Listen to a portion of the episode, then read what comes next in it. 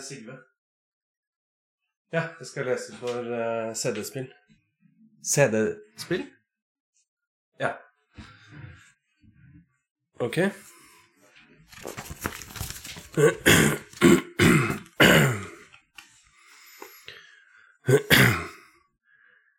Aliens, Alien, Avatar og hele rommet kombineres i et dataspill. Vi skal til Star Trek, Starcraft. Du hører på CD-spill CD-spill.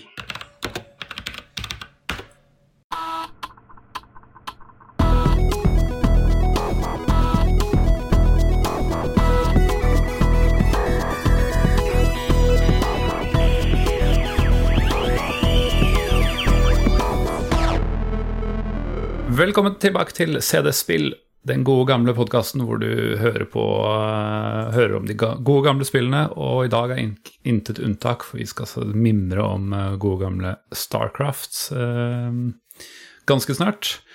jeg pleide jo å gjøre dette med min gode kompanjong Sigve, men han har forsvunnet under jorden i koma eller i fengsel eller et eller annet, så jeg må belage meg på gode vikarer, som jeg har gjort de siste ukene.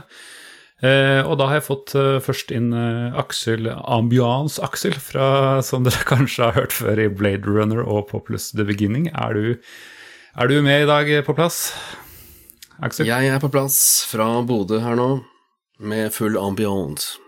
Så det er perfekt. Kan ikke bli bedre. ja. Gjort noe spennende siden, uh, siden Pop Blade Runner? Jeg har vel flytta til uh, Bodø og jobba litt som prest, så det var artig, da. Gjort uh, litt forskjellige ting. Det er uh, Prøver å Det er mer enn hva jeg har gjort, for å si det sånn. Nei, så jeg, nei, så jeg har begravd masse mennesker og Det er helt interessante opplevelser, altså.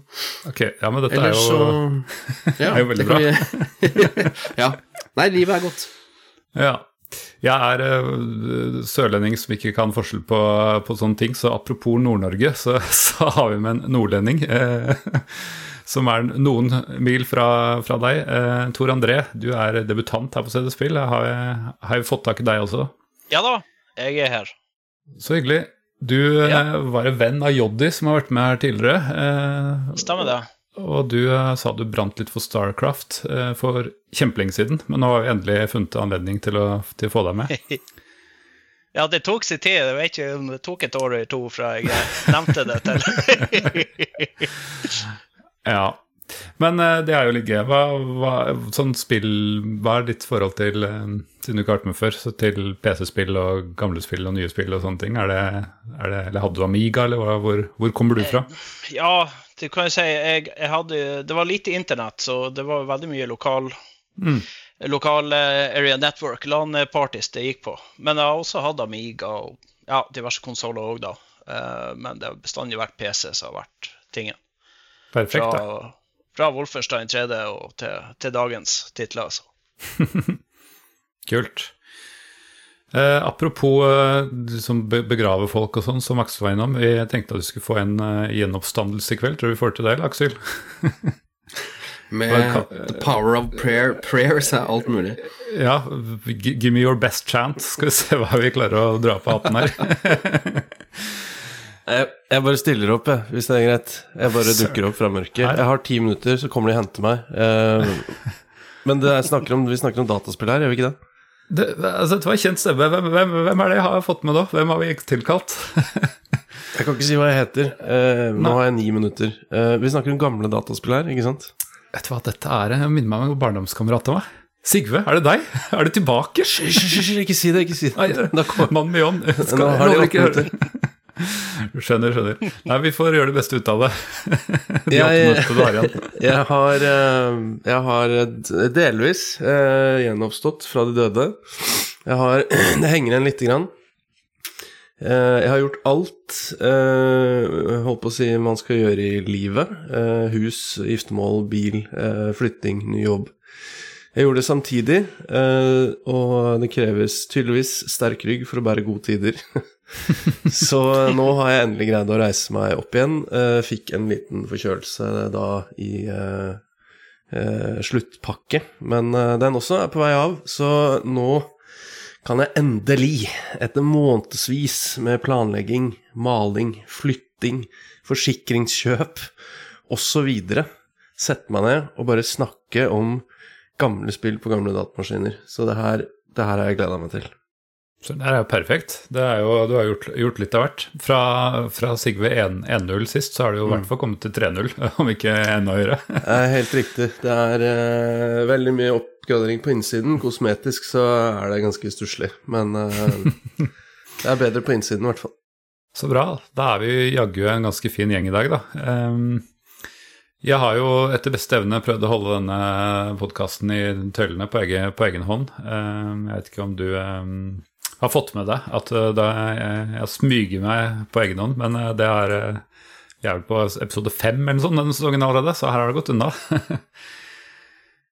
um, sist gang hadde vi en episode om Simon the Sorcerer, den um, pek og klikk-eventyrspillet som er så vakkert til tross for at det ikke er fra Lucas Arts. Mm. med vakker musikk og alt mulig rart. Er det ikke det fra Lucas Arts? Nei, det er ikke det. Men det er helt nydelig. Ja, men hvem, hvem er det som har lagd det da? Uh, Adventuresoft uh, heter det. Erkebritisk. Ah, det velkjente Adventuresoft. Ja. riktig, riktig. Så uh, ja, vi fikk masse kommentarer på episoden, men det har ikke kommet noen i ettertid, så vi trenger ikke å si så fryktelig mye om det hvis ikke noen av våre gjester har lyst til å kjenner til det og har lyst til å bare bruke et minutt på å mimre om det. Uh, er det noe dere har spilt?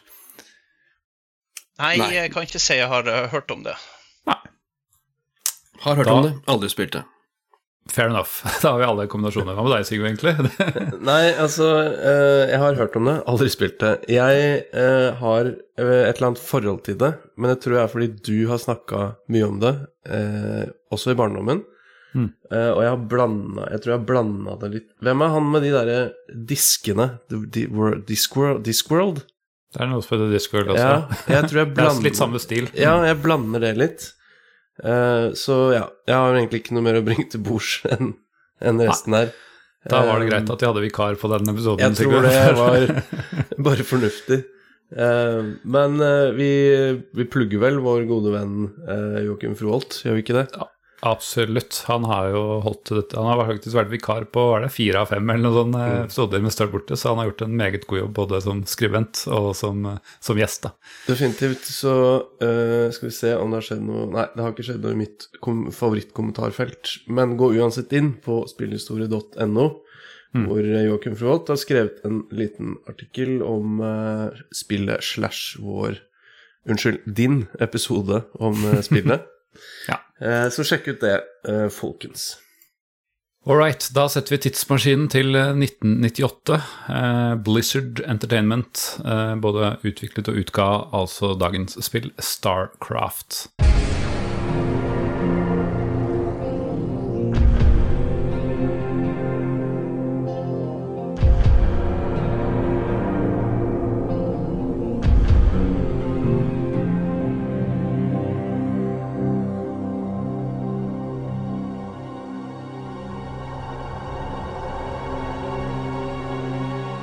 Og det er jo kanskje kan kalle en ny æra i eh, RTS-sjangeren. Uh, jo, den hadde levd siden tidlig, tidlig 90-tall. Jeg har vært gjennom flere av spillene her før. Men uh, virkelig, her fant ut at de skulle tenke nytt. Og, og, det har de så til de grader fått til.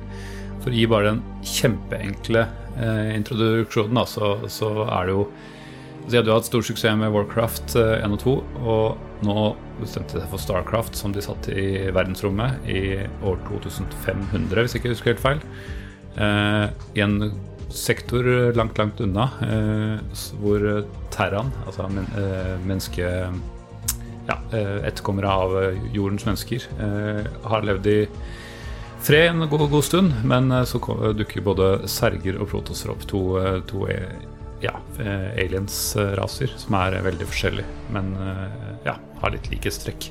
Vi skal straks gå inn på liksom, bakgrunnen for det her, men bare for å, liksom, for å si litt om selve gameplay her, da, så, så, skiller det seg ut ved at eh, alle disse rasene er veldig forskjellige. Altså i Warcraft og Command Conquer og alt sånt, så er jo ting veldig Red Alert og sånne ting, så er ting veldig likt da, på begge sider. Det er liksom du spiller med de samme midlene på mange måter. Eh, litt ulike skins og litt uh, ulike egenskaper her og der, men her her fungerer ting så utrolig annerledes. Alt fra hvordan man bygger bygninger, til hvordan man sanker ressurser. Og, og liksom alle, det er ingen enheter som ligner på hverandre på de ulike uh, fraksjonene. Så det er liksom den uh, veldig enkle tilnærmingen. Skal vi ja, litt sånn Før vi liksom går inn i dybden i historien, hva, hva er deres første minne fra Starcraft? Ja, min fortelling, det er at jeg var på ungdomsskolen. Jeg var selvfølgelig dypt involvert i Red Alert på den tiden her. En dag, om det var 1998 eller 99, jeg husker ikke helt. Antakeligvis 98. En dag så snakka jeg med min gode venn Jan Erik og fortalte om min siste skirmish i Red Alert. Og da så han på meg, så sa han, kompis, det der er fortiden. Det er Starcraft du må spille nå.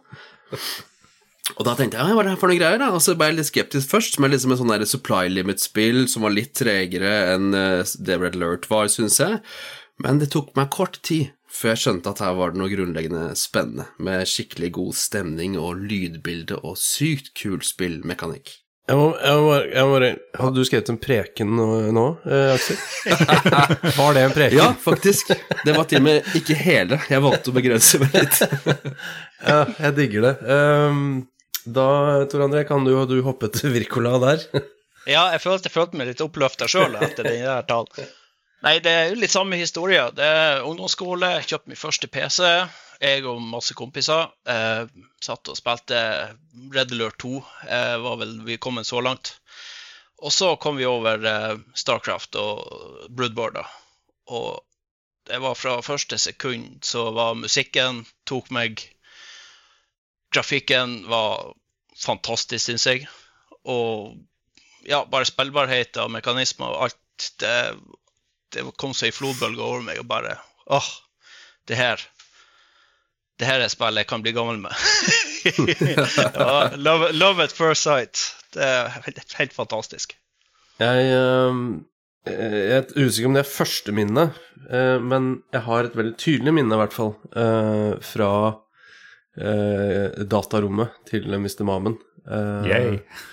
hvor hvor han da hadde dette spillet, og det var dritrått. Og jeg var vel fortsatt litt oppslukt i Command Conquer, tror jeg, fordi eh, ekte krig, i anførselstegn, alltid har vært det som har fenga meg mest. Men uh, jeg syns jo det virka fett. Eh, og eh, da husker jeg at vi ha, hadde timevis med eh, co-op, eller PVE, eh, med over nullmodemkabel. Med to PC-er da, inne på datarommet til Mamen. Og det var helt sjukt, sjukt fett. han spilte Protos av en eller annen merkelig grunn. Jeg skjønte jo Jeg skjønte ikke hvordan man bygde ting med Protos, men Mamen fikk det til. Jeg kjørte Terran, selvfølgelig. Um, og det var helt sykt mye connection trouble med den nullmodem-kabelen. Men uh, det var liksom så fett da, at vi bare Vi bare fortsatte, fortsatte å spille det, da. Uh, så det Jeg har, har et, et sterkt minne uh, fra Starcraft som, som, gikk over tid. From the good old days. Det er morsomt du sier det, for jeg kan ikke egentlig huske at jeg spilte så mye der i, i land, men det virker helt riktig, for jeg var jo en protospiller, og det, du var en Terran-spiller, så det, du har helt sikkert rett. Jeg, bare, jeg har ikke liksom uh, jeg, jeg, husker ikke at jeg spilte så mye back in the day, for jeg syntes det var vanskelig. Det, ja, det, husker jeg nemlig at jeg syns. Og, og det, det, husker jeg også, så eh, ikke for å liksom uh, throw shade på uh, spillet og denne episoden, men jeg tror nok vi begge sleit litt med å få det ordentlig til. Så mm. ja, minnet er sterkt. Men jeg, vi spilte Starcraft 2 mye mer, for å si det sånn. Det gjorde ja, vi. ja, ja, ja. Det er sant. Ja, nei, altså, jeg husker at jeg kjøpte det fysisk. Uh, og jeg tror du, eh, det havnet hos deg på en annen måte enn det gjør hos meg. da For, Uten at vi trenger å gå i detaljer. Uh, og det som gjorde inntrykk på meg altså Dette kom visstnok i mars uh, 98 i USA. Og så har jeg ikke funnet ut når det var, sikkert litt seinere i Europa. Men det, det jeg merka, var at jeg hadde, tror jeg hadde bilde av Terran på, på coveret. Og så var det andre som hadde noe bilde av av Serg, var det vel. Så jeg lurte på, først på om de lagde forskjellige utgaver. Men jeg tror kanskje at det var fordi noen hadde kjøpt Brood Wars før jeg liksom hadde oppdaga det. Og, derfor, og, der er, jo, er det vel en Serg, hvis ikke jeg husker helt feil. Så, og, jeg mener du husker at det var forskjellig At du kunne ha en Protos-cover og Terran og sånne ting? Ja, ja, ikke sant? For det, det er Det er det jeg også mener å huske, bare at jeg klarte ikke å finne det når jeg prøvde å researche nå. Men uh, da er det kanskje ikke et falskt minne likevel. Eller eventuelt jeg dobbelt, det dobbelt falskt. Jeg syns det var innmari, det var innmari kult. Hvis ikke det er dobbelt falskt minne, så tror jeg det var sånn. Ja, Nei, det var en veldig kul greie. Men en annen ting som jeg ettertid fant ut, var at uh, for, for, jeg også merka meg at jeg hadde en uh, intro med med Terran-ting. Og så hadde Sigve plutselig en intro med Sergding. Jeg bare, Her har du lagd forskjellige introer òg. Men det må jeg nok blande med at det var Rude War Expansion som hadde, som hadde en annen intro enn uh, originalt. For jeg har ikke klart å finne flere introer, i hvert fall. Men ok, uh, vi har liksom satt dette. Jeg, er så spent på Jeg har jo bare spilt dette ja, litt og litt mer profesjonelt etter hvert, men, men ikke profesjonelt, men jeg har blitt flinkere etter hvert, vil jeg si. Men jeg vil gjerne vite liksom, litt mer av denne historien. Hvorfor, hvor, hvor, foregår dette? Hvor er jorda? Hvor, altså, hvor kommer disse rasene fra? Hva, hva, er det? Og ja, der har vel du forberedt uh, nye preken, Aksel, har du ikke det? ja, jeg har prøvd å begrense meg, fordi man oppdager fort at uh, hvis man har spilt Starcraft 2 og Starcraft 1, så, så, er det litt forskjellig på Lauren. Det utvikler seg litt når toeren kommer. Mm. Og så skjønner man at plutselig så er det masse bøker som er skrevet, og sånne ting. Så det finnes jo en enorm mengde litteratur og wikis som man kan drukne i, ikke sant. Så dette jeg går igjennom nå, det er uttak fra manualen til Starcraft 1. Der har du veldig god bakgrunnshistorie i manualen på de tre rasene. Veldig kult. Mm. Så basically, hvis jeg skal prøve å være litt kort, så starter man jo med Terran ikke sant, i spillet. Så der starter også historien. Og bakhistorien til eh, Terran-rasen er at en, eh, et par-tre hundre år før uh, spillet starter, så er det en forent jord som har blitt forent da gjennom masse konflikt og teknologisk utvikling og masse greier som foregår. Men det har blitt et ekstremt autoritært, fascistisk regime som har blitt en enhet omtrent på jorda. Og der er det masse forskjellige folk med ulike interesser osv.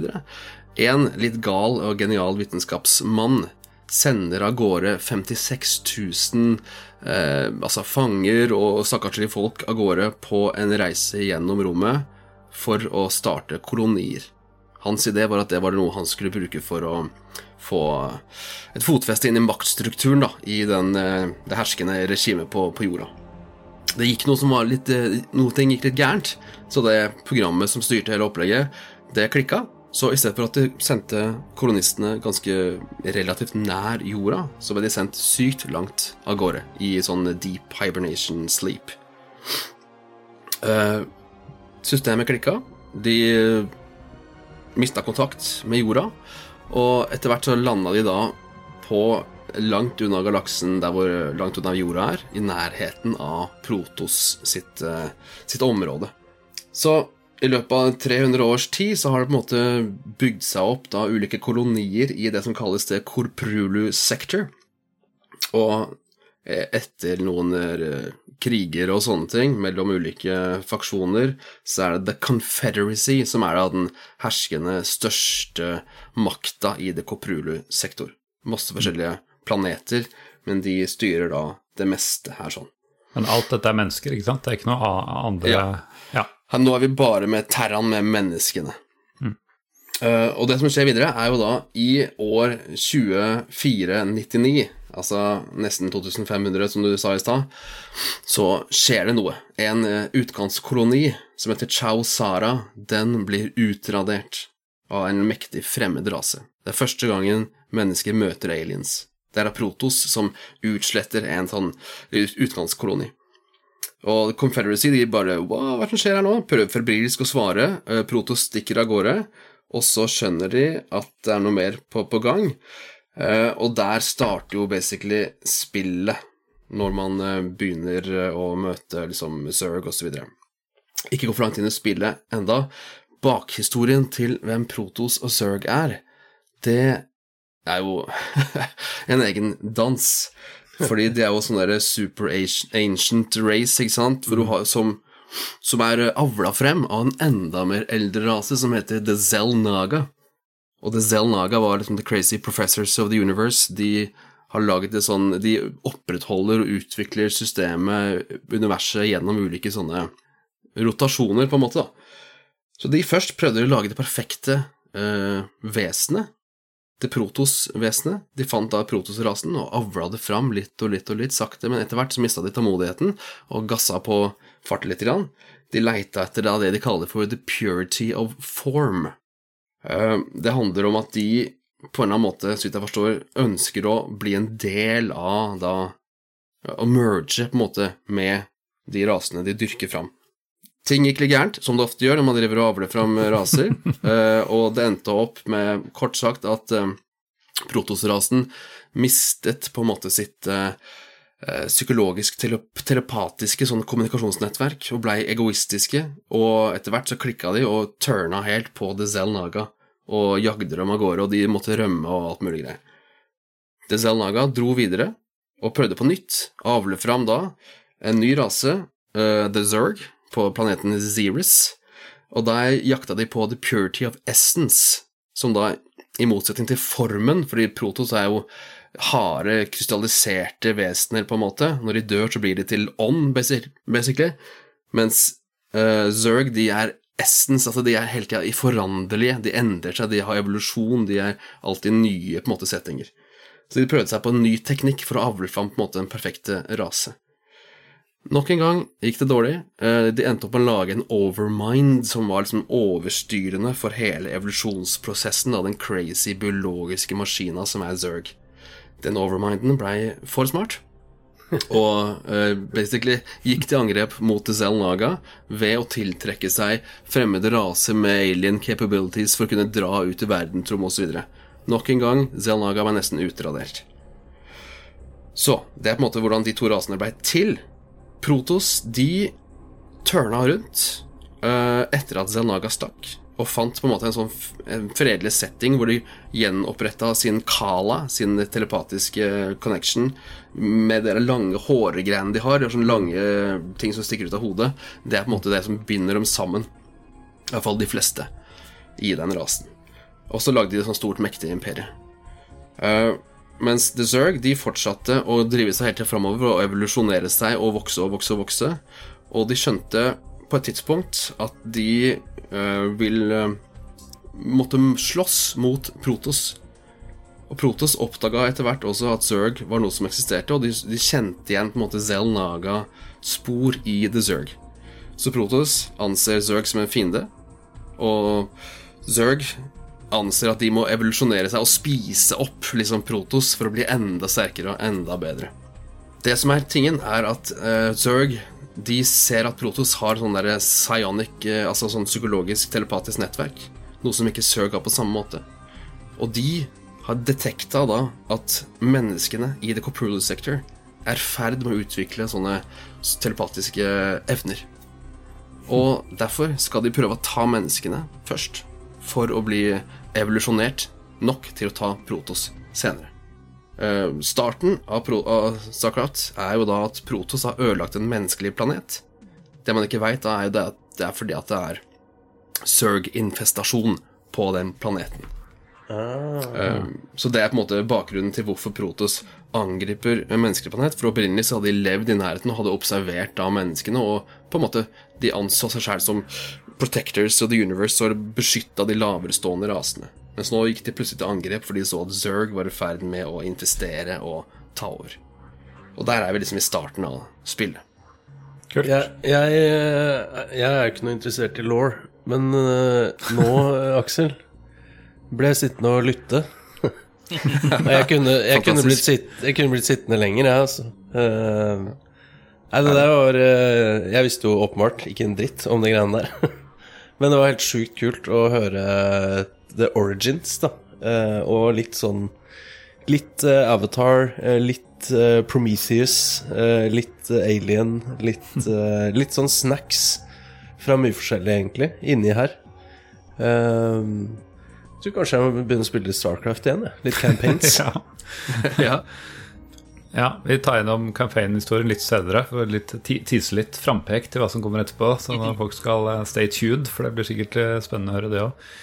Men uh, jeg har jo to spørsmål. da Altså Det er sikkert vanskelig å svare på, som du sier, for det er så mye expanded og noveller og ting som er retconer og sånn. Men er det sånn at man, uh, menneskene uh, på dette tidspunktet, ikke aner, altså Terran ikke aner om, det, om, jorda, om jorda hva, som, hva, som, skjer der? Det har ikke vært noen kontakt siden på 300 år, eller hva, det er? Er det noe som tør å Ja, det, det, er bare én av de skipene som dro av gårde, som på en måte har fortsatt datasystemer som forteller om jorda. Men det er ikke noe, er ikke noe forbindelse med jorda lenger. Hva, hva, med Selnaga? Er det vet, altså Fins de fortsatt, eller er det noen som vet hvor det er blitt av? Eller er det, er det vet, Sier historien om det? Ja, eh, nei, Selnaga er jo blitt en, på det tidspunktet en myte, en legende, eh, som Protos eh, går og husker litt på, og forteller fortelle som, eh, som eh, skrønehistorie til ungene sine, liksom. Eh, så de er Selv om de tror at de ikke eksisterer lenger, så, er, så, er det, så vet de om det som en type legende. Ja, så det er på en måte er, Jeg skjønner jo at de er på en måte som guder, men de har fysiske bevis på at de, det er artefakter, og det er liksom, de vet, vet ja. at de var her, men de har bare forsvunnet. Gone. Ja. Ja, det er sånne, Nå husker jeg ikke navnet, men det er sånne krystaller er ofte en ting de finner. Rester av uh, eh, Dezel Naga. Men så vidt jeg veit, så er det ikke noe tegn på at de Kai er til stede lenger. Kaiderin Crystals heter de. Ja, mm. ja. Og nå ble det mye på deg, Aksel. Har du noe mer Tor André, som du føler er viktig å få med seg om bakhistorien, uten å liksom spoile hva som kommer ennå? Eh, som, som, du syns er interessant, uansett hvor du, hvor du, tar det fra? Det er jo litt en historie med hvordan Protos eh, kom fram eh, til den Kalaen som de bruker, det design-networket sitt. Hvor de alle er connecta, alle tankene er delt. og rett og slett en perfekt kommunismestatus som oppnås der. Jeg vil gjerne høre om det. ja, for du har jo, Det begynner jo liksom med etter at Selnagan har forsvunnet da, og, og trukket seg tilbake, eh, så er det jo det Ian of Strife, som det heter. Og det er jo, Protosene har jo forskjellige tribes. Eh, stammer, da. Og de begynner å slåss da en, en, eh, en sånn uh, civil war. Borgerkrig heter det, mm. selvfølgelig. Og, og da de slåss, og de, de, de syns de andre stammene er gale uh, på hver sine måter, da. Uenigheter oppstår, selvfølgelig. De mister mye av teknologien sin. Og det er ikke før senere at det er to, eh, to eh, protostar som oppdager de Kaidarin-krystallene som jeg eh, sa i stad. Og da gjenoppdager den, den um, psionic linken, som det heter. Den psykiske linken som, som uh, du får gjennom de Kaidarin-krystallene. Mm. Og da får, du, da, får du, da får de også den infoen de trenger til å gjenforene alle stammene og dermed få en slutt til Eon of Strife, den æraen.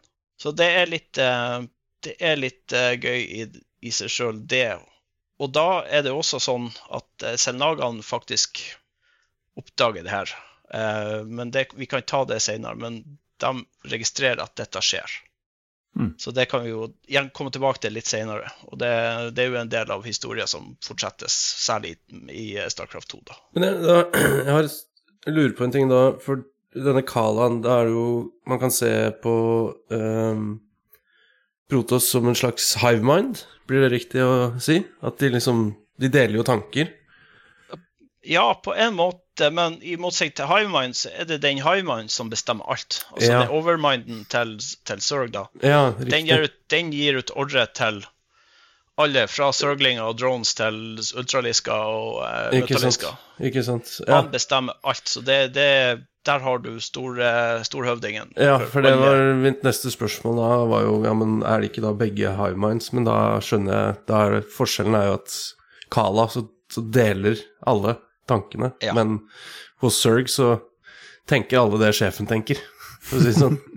ja, helt, det blir helt riktig. skjønner. skjønner. Det er jo verdt å merke seg én ting, ikke for å drukne helt i law, men uh, vi møter jo i løpet av spillet seinere f.eks. Dark Templars. Og i Starcraft, Starcraft 2 møter man det Er det Teldarim det heter? Teldarim, ja. De to gruppene har jo da ikke denne kalaen, av ulike grunner, da. Så de har valgt å gå en annen vei. Ja, riktig. Okay. riktig. De, By eh, choice. Men mm. et siste spørsmål. Er det noen som vet hvor gamle Altså når Disse rasene? Er det liksom 500 år siden, eller 5 millioner år siden? Er det noe som, er det, blir det noen gang besvart, eller er det bare i Jeg tidens tror det enkleste svaret er vel eons ago, og så er det litt utydelig hva det er. Men det er lenge, lenge, lenge, lenge. Altså, de tidligste, uh, tidligste nummererte, kan du si eh, eh, altså, Så vi vet årstallet på, eh, det er jo når det Psionic Matrix, som, eh, som eh, Conclave, som er da den ledende eh, Protos eh, regjeringa, kan du si, eller stor, ja, lederne. Mm. Eh, de får i gang The Psionic Matrix eh, ca. 500 år før BCE, altså, altså før vår Ja. tidsregning. Mm. Og det er jo alt som skjer etter det, er jo kan vi si, er jo mer dokumentert. da. Men når eh, Selnaga skapte rasene, det er som man sier, det er eons ago. Det er veldig lenge siden. Ja, men da, da har de levd i, i lang, lang tid da, på, på egen hånd, på en måte. Så Absolutt. Ehm, ja. Jeg tror, jeg elsker jo det law-greiene, men jeg tror vi må snakke litt om Ja. spillet, spillet også. eh, Så får vi komme tilbake etter hvert til, til historien. Men, men ok, disse rasene. Uh, har dere noen uh, Ja, hva er egentlig favorittrasene deres? Kan vi begynne der? Uh, ja, jeg kan begynne. Jeg er Protos. Det, jeg har tatovert hele høyre armen med en hel sliv med Protos-ting. Så Nice. Wow. jeg, jeg, jeg er der. Men uh, Zerg er også ganske artig å spille. Terren er, er like minst, da. Ja. Ok, ok, ok. Nei, jeg, jeg vil jo si at jeg alltid har uh, syns Protos er det kuleste, men jeg spiller alltid Terran.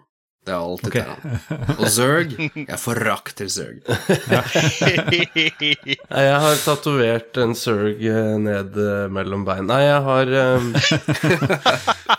Jeg har eh, Jeg er ikke på det samme nivået som Aksel, men jeg tenker eh, likt som Aksel. Jeg har alltid syntes at Protos er de tøffeste og kuleste, men jeg spiller alltid i Terran. Eh, og det er nok til forskjell fra Aksel, fordi det er det enkleste for meg. det er Terran. Så det, jeg havner alltid med Terran. Men Protos er de tøffeste, det syns jeg. Og jeg rører ikke Zerg. Æsj. Pui. Ja, jeg er litt sånn, jeg også. Jeg, jeg- det er Protos jeg landa med, men det er Protos Terran jeg liksom har veksla med. da. Og så Zerg har jeg liksom aldri klart, fordi eh, jeg vet ikke. Det er mye micromanagement, og det er jo en av begrensningene i Starcraft kan si det med en gang, er at det er veldig begrensa hvor mange enheter Ja. du kan velge samtidig. Eh, og Serg er vel kanskje den rasen du virkelig skulle hatt uh, kunne valgt liksom 50 om gangen. Mm. I hvert fall hvis du begynner, i hvert fall i starten, når du kan rushe med Zerglings og sånn. Så det er litt av grunnen til at jeg har eh, liksom aldri lært meg det. Og så er det selvfølgelig Jeg føler jo at uh, serger er de ondeste av disse, selv om man sikkert i Lauren kan, kan argumentere for at alle tre rassene har sine ondskap ved seg. Nei, da, jeg skulle bare si at Sørg er en spesiell måte å spille på, men mm. når du først kommer inn i det, eh, så Det er det givende. Mm. Rett og slett. Det er gøy. Men hva er, hva er fordelene hva er liksom, de, de er jo så forskjellige, snakker jeg om, men hva er på en måte forskjellen i, i altså Hvis du skal velge deg en ras du skal spille, da, eh, basert på spillestil, hva, når, hva er kriteriene for å velge de ulike rasene? Vel, det Jeg syns at det handler mye om hva du liker, på en måte. Men eh, Ja. litt forskjellen, forskjellen på de rasene Ikke på alle mulige måter, men én ting er jo det at uh, Terran er veldig god på å ha posisjoner som er sterke, med siege tanks og sånne ting. Og Zerg er veldig god på å ha enormt mange units. Og over, overvelme. Hva heter det på norsk? Overvelme. Ja, det, Eh, ja, og Protos har noen enormt sterke units som, som er veldig veldig kraftige, og også noen crazy sånn spells og sånne ting. Ja, nei, jeg er ganske enig der. Forklarer jo hvorfor jeg liker Terran så godt, da. Uh, for jeg, selvfølgelig, som en noob som ikke får til ting, vil jo turtle. Og da er det jo Terran, da, som har det å ja, ja. bygge sterke posisjoner. Som eh, bunker og siege og sånn. Ikke sant? Eh, eh, ja, så det, det, det forklarer litt mer hvorfor jeg havner på Terran. Ja, altså det der Å ha tre siege tanks eh, eller ikke ha tre siege tanks, det er forskjellen på å vinne eller tape oftest. På, det har jeg merka. For hvis ikke du har noen noe flyver eller noe som kan countre de siege tankene, så er du most før du kommer, eh, kommer i nærheten, liksom. I hvert fall med litt sånn svakere surg, eh, ja, surglings og sånne ting. Ja, det er deilig. Så. Og bare bunkere. Det er så kult med bunker. ass Bare stå, Begynner å brenne, og så har de operasjons-SV-en som står og jobber, og ser bom, bom, siege tanks, og bare Hold ut! Det er så nydelig. Men uh, da er det jo uh, som favoritt uh, Nei, favorittenheter. uansett hvilken raser og både for og imot, det, har, har dere noen dere vil dra fram? High Templar. Templari. Ja. Hands down, High Templar. Protosin, ja. Hva gjør ja. en High Templar? Psionic Storm. Ekstremt bra mot Zerg. Eh, Tettpakka med units. Psionic Storm er som en uh, sånn, altså Lindstorm. Ja. Area of Effect-spill, er det ikke det? Ja. ja. Spill, ja. Oh, det er jo Helt drømmen da, mot et mm. skikkelig Zerg Rush. Det er akkurat det. Og tre-fire tre, High Templars og mot ja, 50-60 Zergs. Det, det par sellouts for, for, bare for å stoppe dem ja. Eh, i Melly. Og så mm. bare Nei, det da spruter blodet, og jeg blir veldig fornøyd. Ny tatovering. ja. Altså, ja, det er altså, på tur. Ja. For det er også en ting som er litt irriterende med Starcraft, er at du får ikke noe tips. Du, du, ikke, du, du må nesten bare prøve for å finne ut hva ting gjør. For det, det er tooltips som sier hva det heter, hvis du peker over, men ikke hva den gjør. Så, må, så det er litt sånn irriterende når du skal prøve å lære deg det der. Ehm, ja, Aksel, du har sikkert en favorittenhet, du òg? Eller flere? Jo, nei, altså Man høres ut som en uh, total noob når man sier det, men uh, det er jo Marines, da. Altså, Det er jo en uh, koreansk spiller som ikke husker hva heter, som sa Marine Imba. Altså, det er imbalanced. Det er, Marines er så bra. De kan heales, de kan stimpackes, altså de skyter raskere mister ditt liv, men så har de med seg medicsene som får dem opp på livet igjen. Du kan bare gasse på en evigvarende unit som du er god på å bruke litt som mikro. Så kan du flytte de fram og tilbake, dele dem med gruppene i to, og bare herje. Mm. Veldig ja, for, artig unit å bruke. Ja, er Skyter liksom, luft og skyter bakke. Ikke ja. sant? Det er liksom det inntrykket jeg også har, uh, at um, Marines Altså, ja, Zerg, da kan du rushe og du kan flødde, men her kan du rushe og flødde med en egentlig mye bedre enhet. Eh, mm. som, som, kan stimmes, som som du sier tar både luft og bakke. Og hvis du kommer litt eh, midgame, eh, så kan du ha de derre eh, De derre helseski... Hva heter de flyene som healer? De derre Medivax i Starcraft 2? Det, takk skal du ha. Det, det, er Starcraft 2. Å oh, ja, det er Starcraft 2, ja. Ok. ja. Jeg trekker tilbake alt. Eller jeg trekker tilbake Jeg, trekker tilbake. jeg var inne på en sånn en sånn uh, midgame strat jeg, som jeg faktisk har lært meg, men da løper jeg litt langt. Jeg, jeg, jeg tror kanskje ja, Medivax det, det fins vel i Brood War òg, gjør det ikke det? Nei, det er Medics. Det er Medics. Ja, det, er riktig, riktig. det er sånn bakke-unit. Men da, da, dropp, da, dropper jeg å snakke Terran Strat. Da bare bekrefter jeg at uh, Marines er uh, good shit, altså. Det er det. Ja, Marine Ball er ganske heftig. Mm heftig taktikk. Særlig når man jo først begynner. Da er det jo bare å bygge så mye barracks som du mm. har råd til, og så bare mm. spamme Marines ut. Ikke sant? Uh, er du spiller mot Zerg, så kan det være en fordel å ha med litt firebats òg. Mm. Uh, bare som melee, type melee-unit for uh, Zerglinger. Mm. Men uh, ellers så Marine Ball er veldig bra. I love the smell of napalm. Ja, det er veldig bra. Hvis du har uh, muligheten til å Det er også veldig lett å countere, da, uh, hvis du bare vet.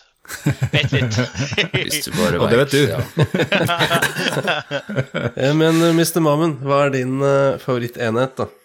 Nei, ja, altså jeg um jeg egentlig jeg må si uh, Siege Tanks. Orders, sir! Uh, altså, de funker jo ikke helt alene, men det er så utrolig digg å kunne De kan være forsvar, du kan ta det med deg. Hvis du har f.eks. Uh, Marines foran, da, og så har du noen mm. Siege Tanks, så kommer du langt, altså. Eller ja, i hvert fall mot ikke, ikke, hvis jeg spiller mot Tor André, men hvis jeg spiller med litt mer noobs, så kommer du langt med, med en haug med de foran og noen Siege Tanks bak. Så ja, jeg liker den, den når den gjør seg om til Siege mode.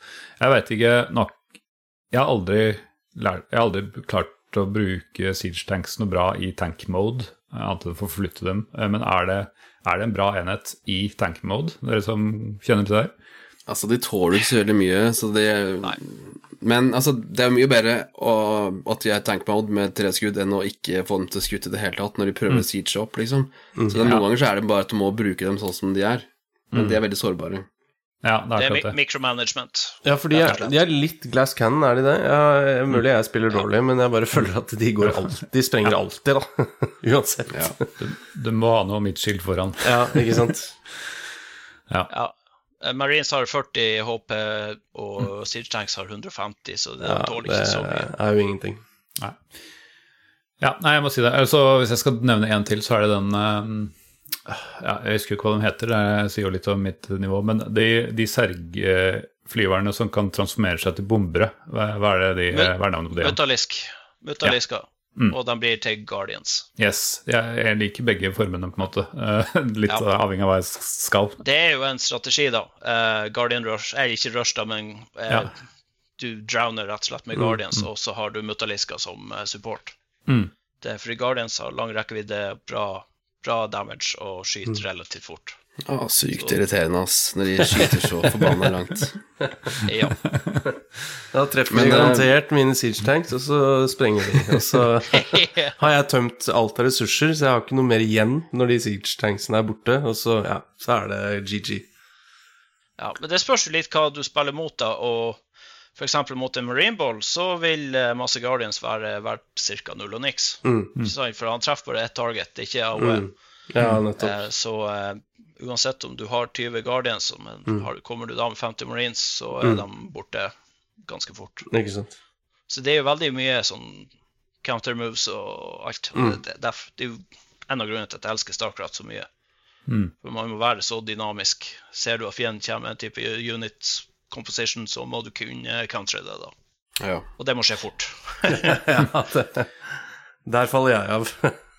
Nevne en unit til, altså det, når Brood War kom, da fikk man jo så klart den der eh, godeste eh, medicsene til Terran og sånne ting, men når du hadde Zerg og spilte og fikk um, lurkers Ja. i Brood War Lurkers, det er en forferdelig å slåss mot, men det er så sykt kult å bruke.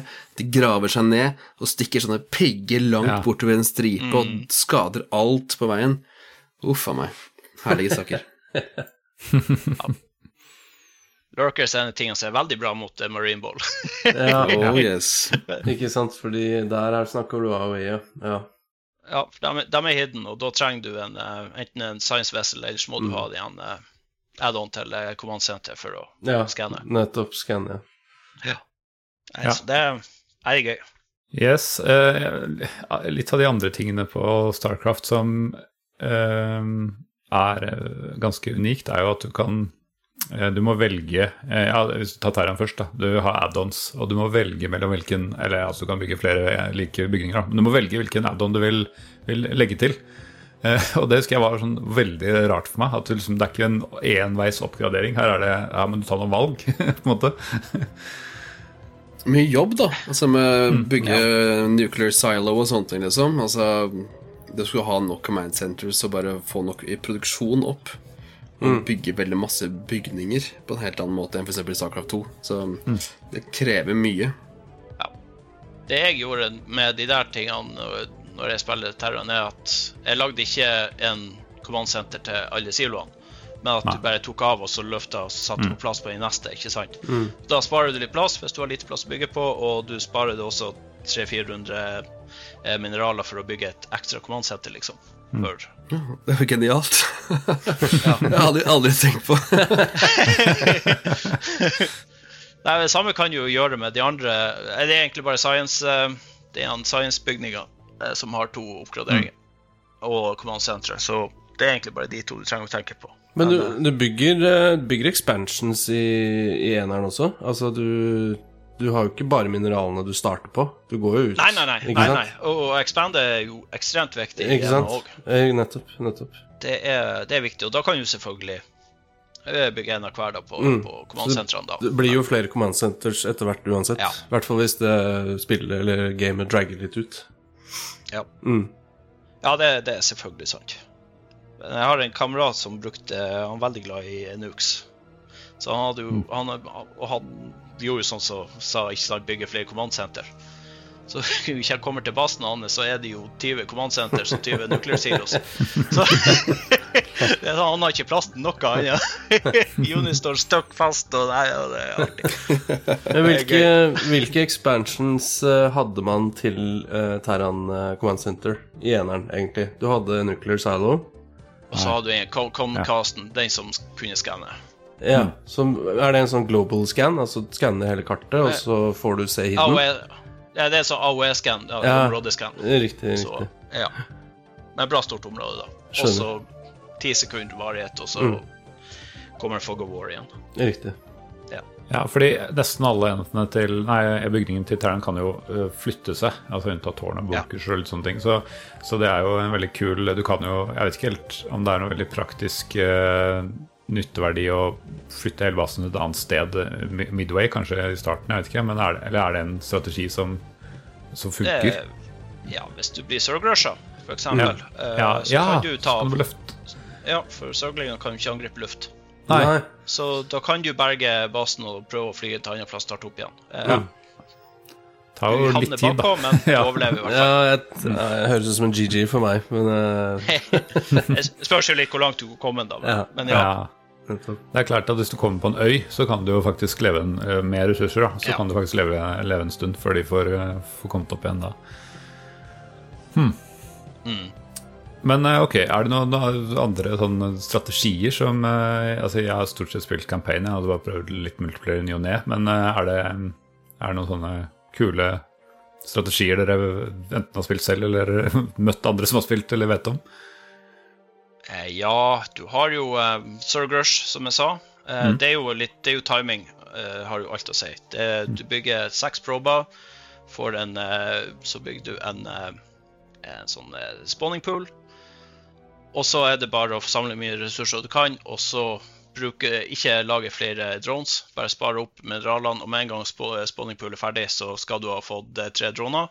Nei, tre larver, og så begynner du å, å lage sorglings. Og så sender du av gårde etter hvert så de blir produsert. Mm. Og Hva er det man skal targete da? Er det arbeiderne, eller er det hovedbygningen? Ja. ja arbeidere først? Arbeiderne først. Ja, ja. Du, du, rammer økonomien, rett og slett. Mm. Mm. Litt sånn Sun Tzu der. Går rett på forsyningslinjene, ja. Mm. for da dør de, dør de, til slutt uansett. Ja. Og så, har du en annen. Det, det, er, sånn, det er veldig cheesy, da. Uh, men det var en av de første strategiene jeg lærte med Protos. Og det er Photon Cannon Rush. Jaha. ja, ja. ja. Og da, er det, da bygger du en pylon. Uh, først får du, får du seks drones. Bygger, setter en pylon ned med basen. Så tar du én drone, og så går du til motstanders base også litt i utkant så han ikke ser deg. Sett opp en pylon der. Bygg Forge i hjembasen. Lag drone. Eh, eh, probes. Og når eh, en gang Forge er ferdig, så begynner du å spamme ned eh, photon cans. Og så mm. bygger du det nærmere basen. Ja, Det er sånn Tower Rush kalles det i andre, eller i Warcraft. Ja, det blir Tower Rush. Mm. Det er akkurat det det blir. Så det er klart, når du har fått ned fire-fem photon cannons, og de har akkurat fått opp en barracks og et par marines, mm. så er de på godt nordnorsk fucked. Det, ja. det, det, er vanskelig å komme seg tilbake. Det er sånn som er vanskelig for noobs å skjønne, men det er derfor du skal scoute tidlig. For å vite at ikke det ja. har noen utenfor for basen din som holdt med det der. Helt riktig. Begge de er jo sånn early Jeg vet ikke om det kalles rushing, men altså i hvert fall eh, altså du fort eh, kverker fienden. Ja. Men det er vel er det noen måte å recover fra det hvis du blir oppdaga, altså begge disse strategiene her? Ja, altså det er jo det at du dreper droner, og så bygger du igjen eh, inngangen til, til, eh, basen din. For at de fleste, fleste maps har jo en, en trapp opp, eller en, mm. en bakke opp til basen. Så rampe. Eh, En rampe, ja. Mm. Eh, og da bygger du den igjen med bygninger. Da kan han ikke komme mm. inn med verken eh, droneprobes eller, eller surglinger det tar så lang tid å ta bygningen. Ja, for det var en, eh, en, eh, Den ene stratten jeg liksom fikk litt til, eh, som Terran, da. Det var jo blant annet Eller noe av det første du gjør i den stratten, er jo nettopp det. At du stenger ja. inngangen til basen din med resource, uh, resource, resource silos. Ja. Eh, supply, supply Depots. Supply Depots, som selvfølgelig, yes. som jeg visste at det het. Uh, det er, jeg skal bli på det. er vel, takk, takk. Uh, nei, du smekker opp uh, I toeren altså, er det tre som ofte som må til for å stenge inngangen. og så så spammer du med Barracks etter det. Men ja, da mm. har du en sjanse, da, hvis rushet kommer, at du i hvert fall får påvirka dem, uten at de får, kommer inn i basen din. Eh, på Protosave-versjonen så er det en Forge og en Gateway, og mm. så eh, lager du eh, lager du Zealots og putter mm. imellom, sånn at de ikke ja. kan springe forbi cellotene. Nettopp. Mm. For en cellot kan stå alene mot seks Orglings hvis han bare har en liten sektor å forsvare seg i. Mm. Ja. Så det Ja, de tåler jo litt, stemmer det. De tåler veldig mye. Mm.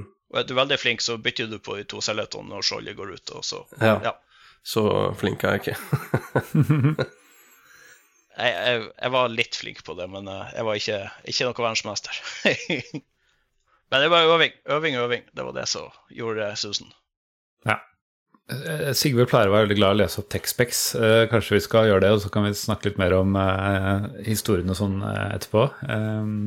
Og musikken har ikke vært innom. Ja, vi har mye, mye skal innom. Vi kan jo kan begynne med TechSpecs. da. Textbix, ja. På uh, Starcraft uh, Dette er jo et så moderne spill at uh, det er nesten så vi ikke bør snakke om det, egentlig. det er jo Det er sluppet direkte til Altså, her står det Windows 95. Det, og det stemmer vel kanskje det, hvis dette kom ja. i 98? Mm. At dette er ikke noe vi har dobbeltklikka på i eh, Windows 3.11. Absolutt ikke. Ehm, så eh, da må du ha en eh, PC som matcher, så her er det jo noen helt sinnssyke specs. Du må ha Pentium-prosessor. Bare, bare, Pentium, ikke noe tall, ingenting. Bare Pentium.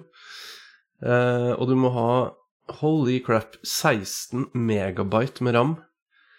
Ehm, du må ha en uh, to ganger speed CD-rom-spiller. Uh, og med den CD-rom-spilleren så får du en oppløsning på hele 640 ganger 480 pixels. som er jo en veldig funky og funny oppløsning. Men det var jo dritbra, det. og de skryter altså her Jeg blir jo bare lei meg, da, når det står sound capabilities så står det ikke mine favoritter. Det står bare Dolby Surround. Så her er det jo dette, dette, er, dette, er, for moderne, det her. Uh, og multiplayer options Internett, i alle dager. Wow, Internett, ja. faktisk. Battlenet. LAN, modem og uh, min favoritt, min personlige favoritt, nullmodemkabel. uh, ja. Og så må du huske å ha installert uh, minimum DirectX 2, da for å få det opp og gå. Uh, mm. Så ja, det er i grenseland moderne for vår podkast, dette spillet her, altså. Den, den PC-en her har ikke jeg råd til, for å si det sånn. Intel-prosessor. ja, to ganger CD-romsen. Nei, fy søren. Ja. Galskap. Ja. Nei, men vet du hva, jeg syns det var så, det så, kult å høre mer om historien og sånn. Og er det én ting jeg kan love dere, er at historien i Starcraft er skikkelig kul. Altså Dere fikk en smakebit på bare background-saken. Men det som skjer også i Missions, er faktisk verdt å spille gjennom kampanjen. Eh, sånn uansett hvor god eller dårlig du er. Eh, bruk gjerne cheat code hvis du bare vil ha historien. Eh, og Eh, så bare sånn warning her, hvis noen vil oppleve dette selv, så er dette tidspunktet å trykke på pause på. så putter jeg sikkert noen kommentarer i show notes for hvor langt du eventuelt skal spole, men jeg tipper det blir en del spoiler nå framover. Uh, ja, flere her har spilt igjen om uh, Starcraft nylig, men var det du, Tor André, som hadde lyst til å fortelle om Vanilla-versjonen? Ja, jeg kan godt, godt fortelle litt hvis du skal nå begynne fra, fra børjan av Starcraft, så begynner vi med, med Terranda eh, som e, episode én. Eh, mm. Og det begynner jo egentlig ganske begynner jo ganske sånn eh, hva, hva man skal si eh,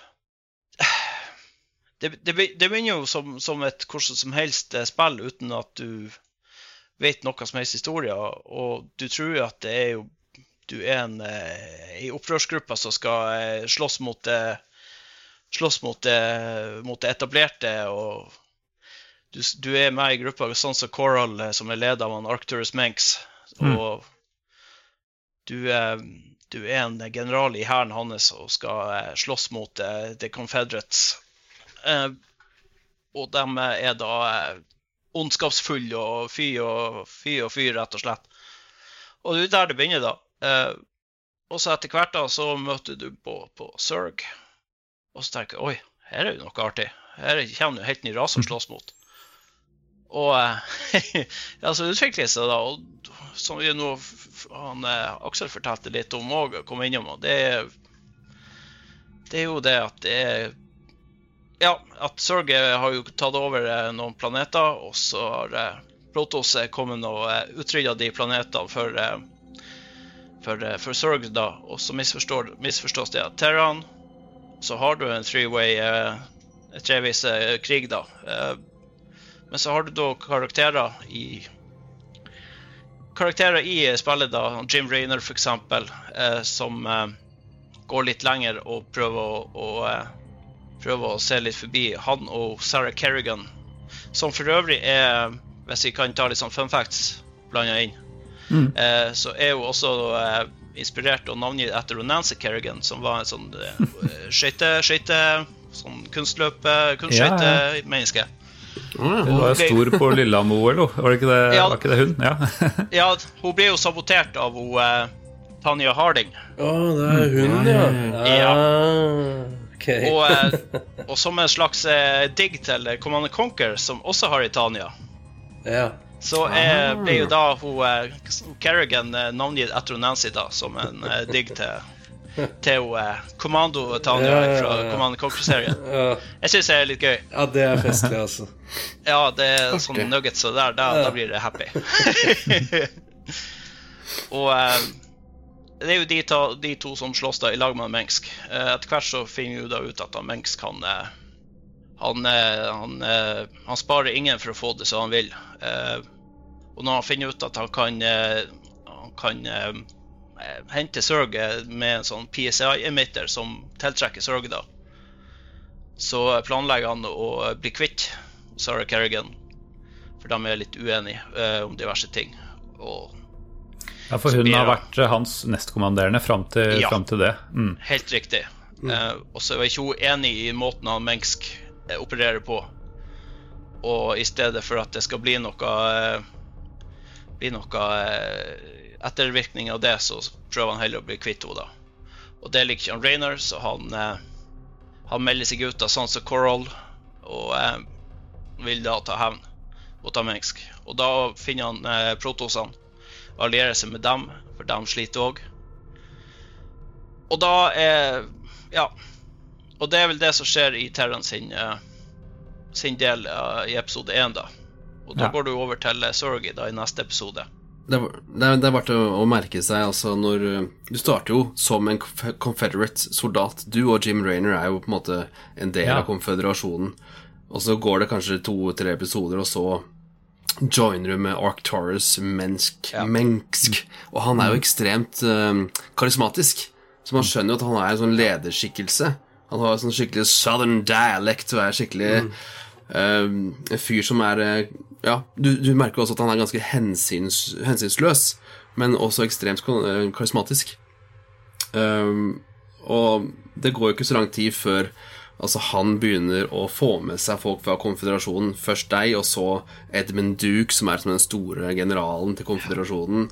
Og plutselig så er liksom The Sons of Corhall uh, blant de største maktfaktorene.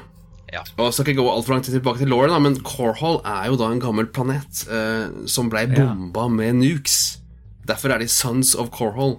Derfor har de så beinhat mot konfederasjonen fordi at de slo ned et opprør på Corhall med å bare bombe hele planeten. Så her er det, high stakes. Og det er Arturus Menks, han er jo sønn av han Angus Menks, som var en av eh, senatorene Eller satt i lederskapet på Coral. Eh, Coral ble jo bomba av kompisen til Tor André, som bare bygger nukes på hele, hele ja. Nei, jeg ser ikke hva fingeren min i spillet der. Ja, jeg tror du skal ta en prat med kompisen din. ja. ja. Det var litt sånn Third World, eh, vær så god, kjøp noe de her, så. Svartemarkedet. Ja.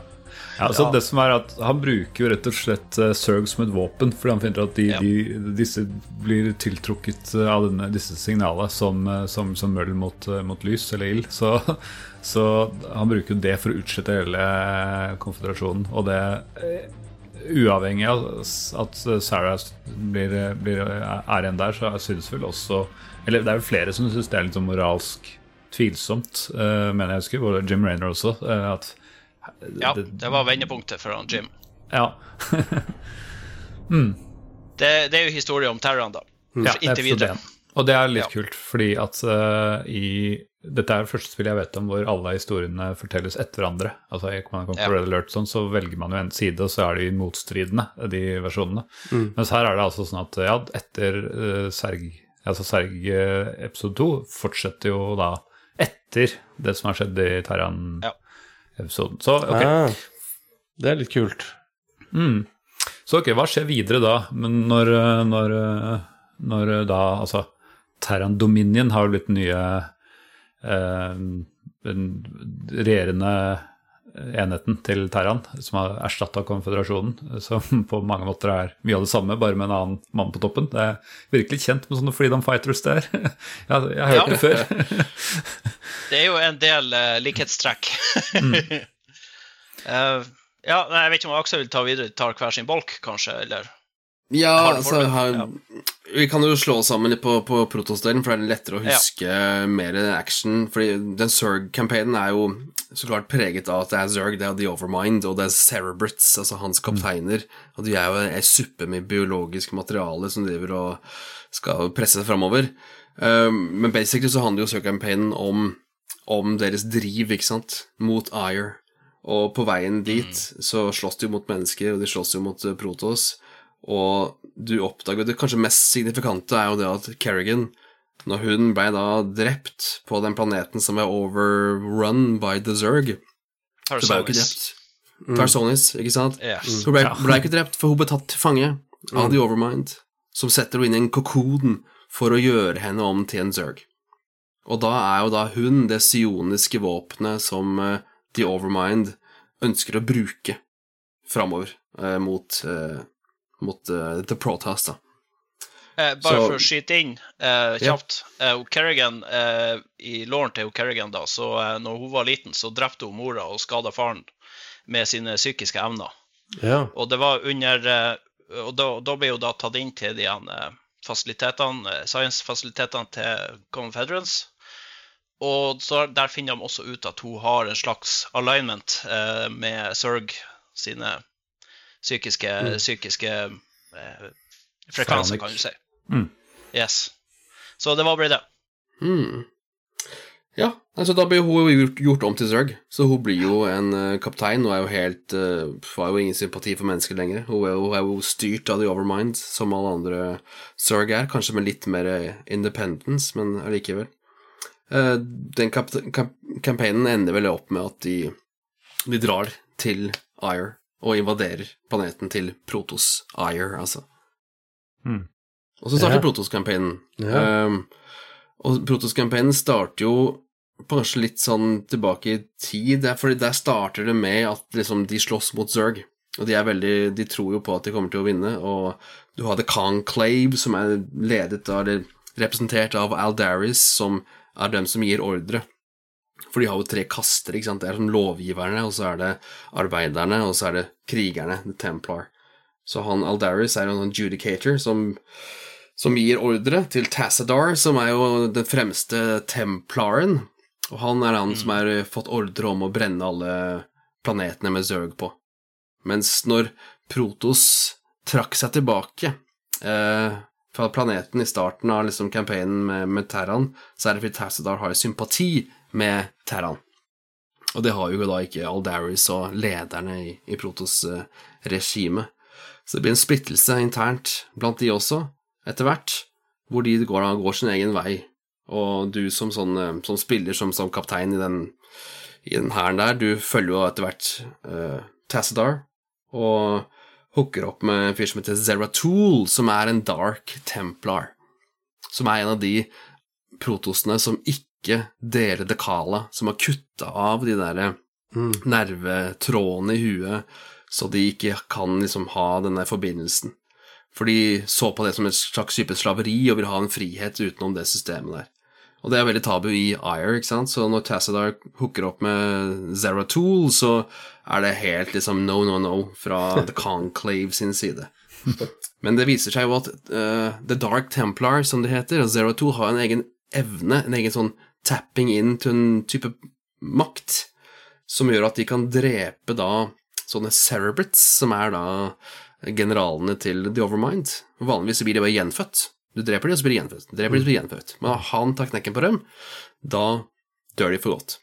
Uh, dessverre så viser det seg jo da det er masse action her, det var en veldig kul fyr som heter Phoenix, som er en av de råeste folka i hele Starcraft Lauren.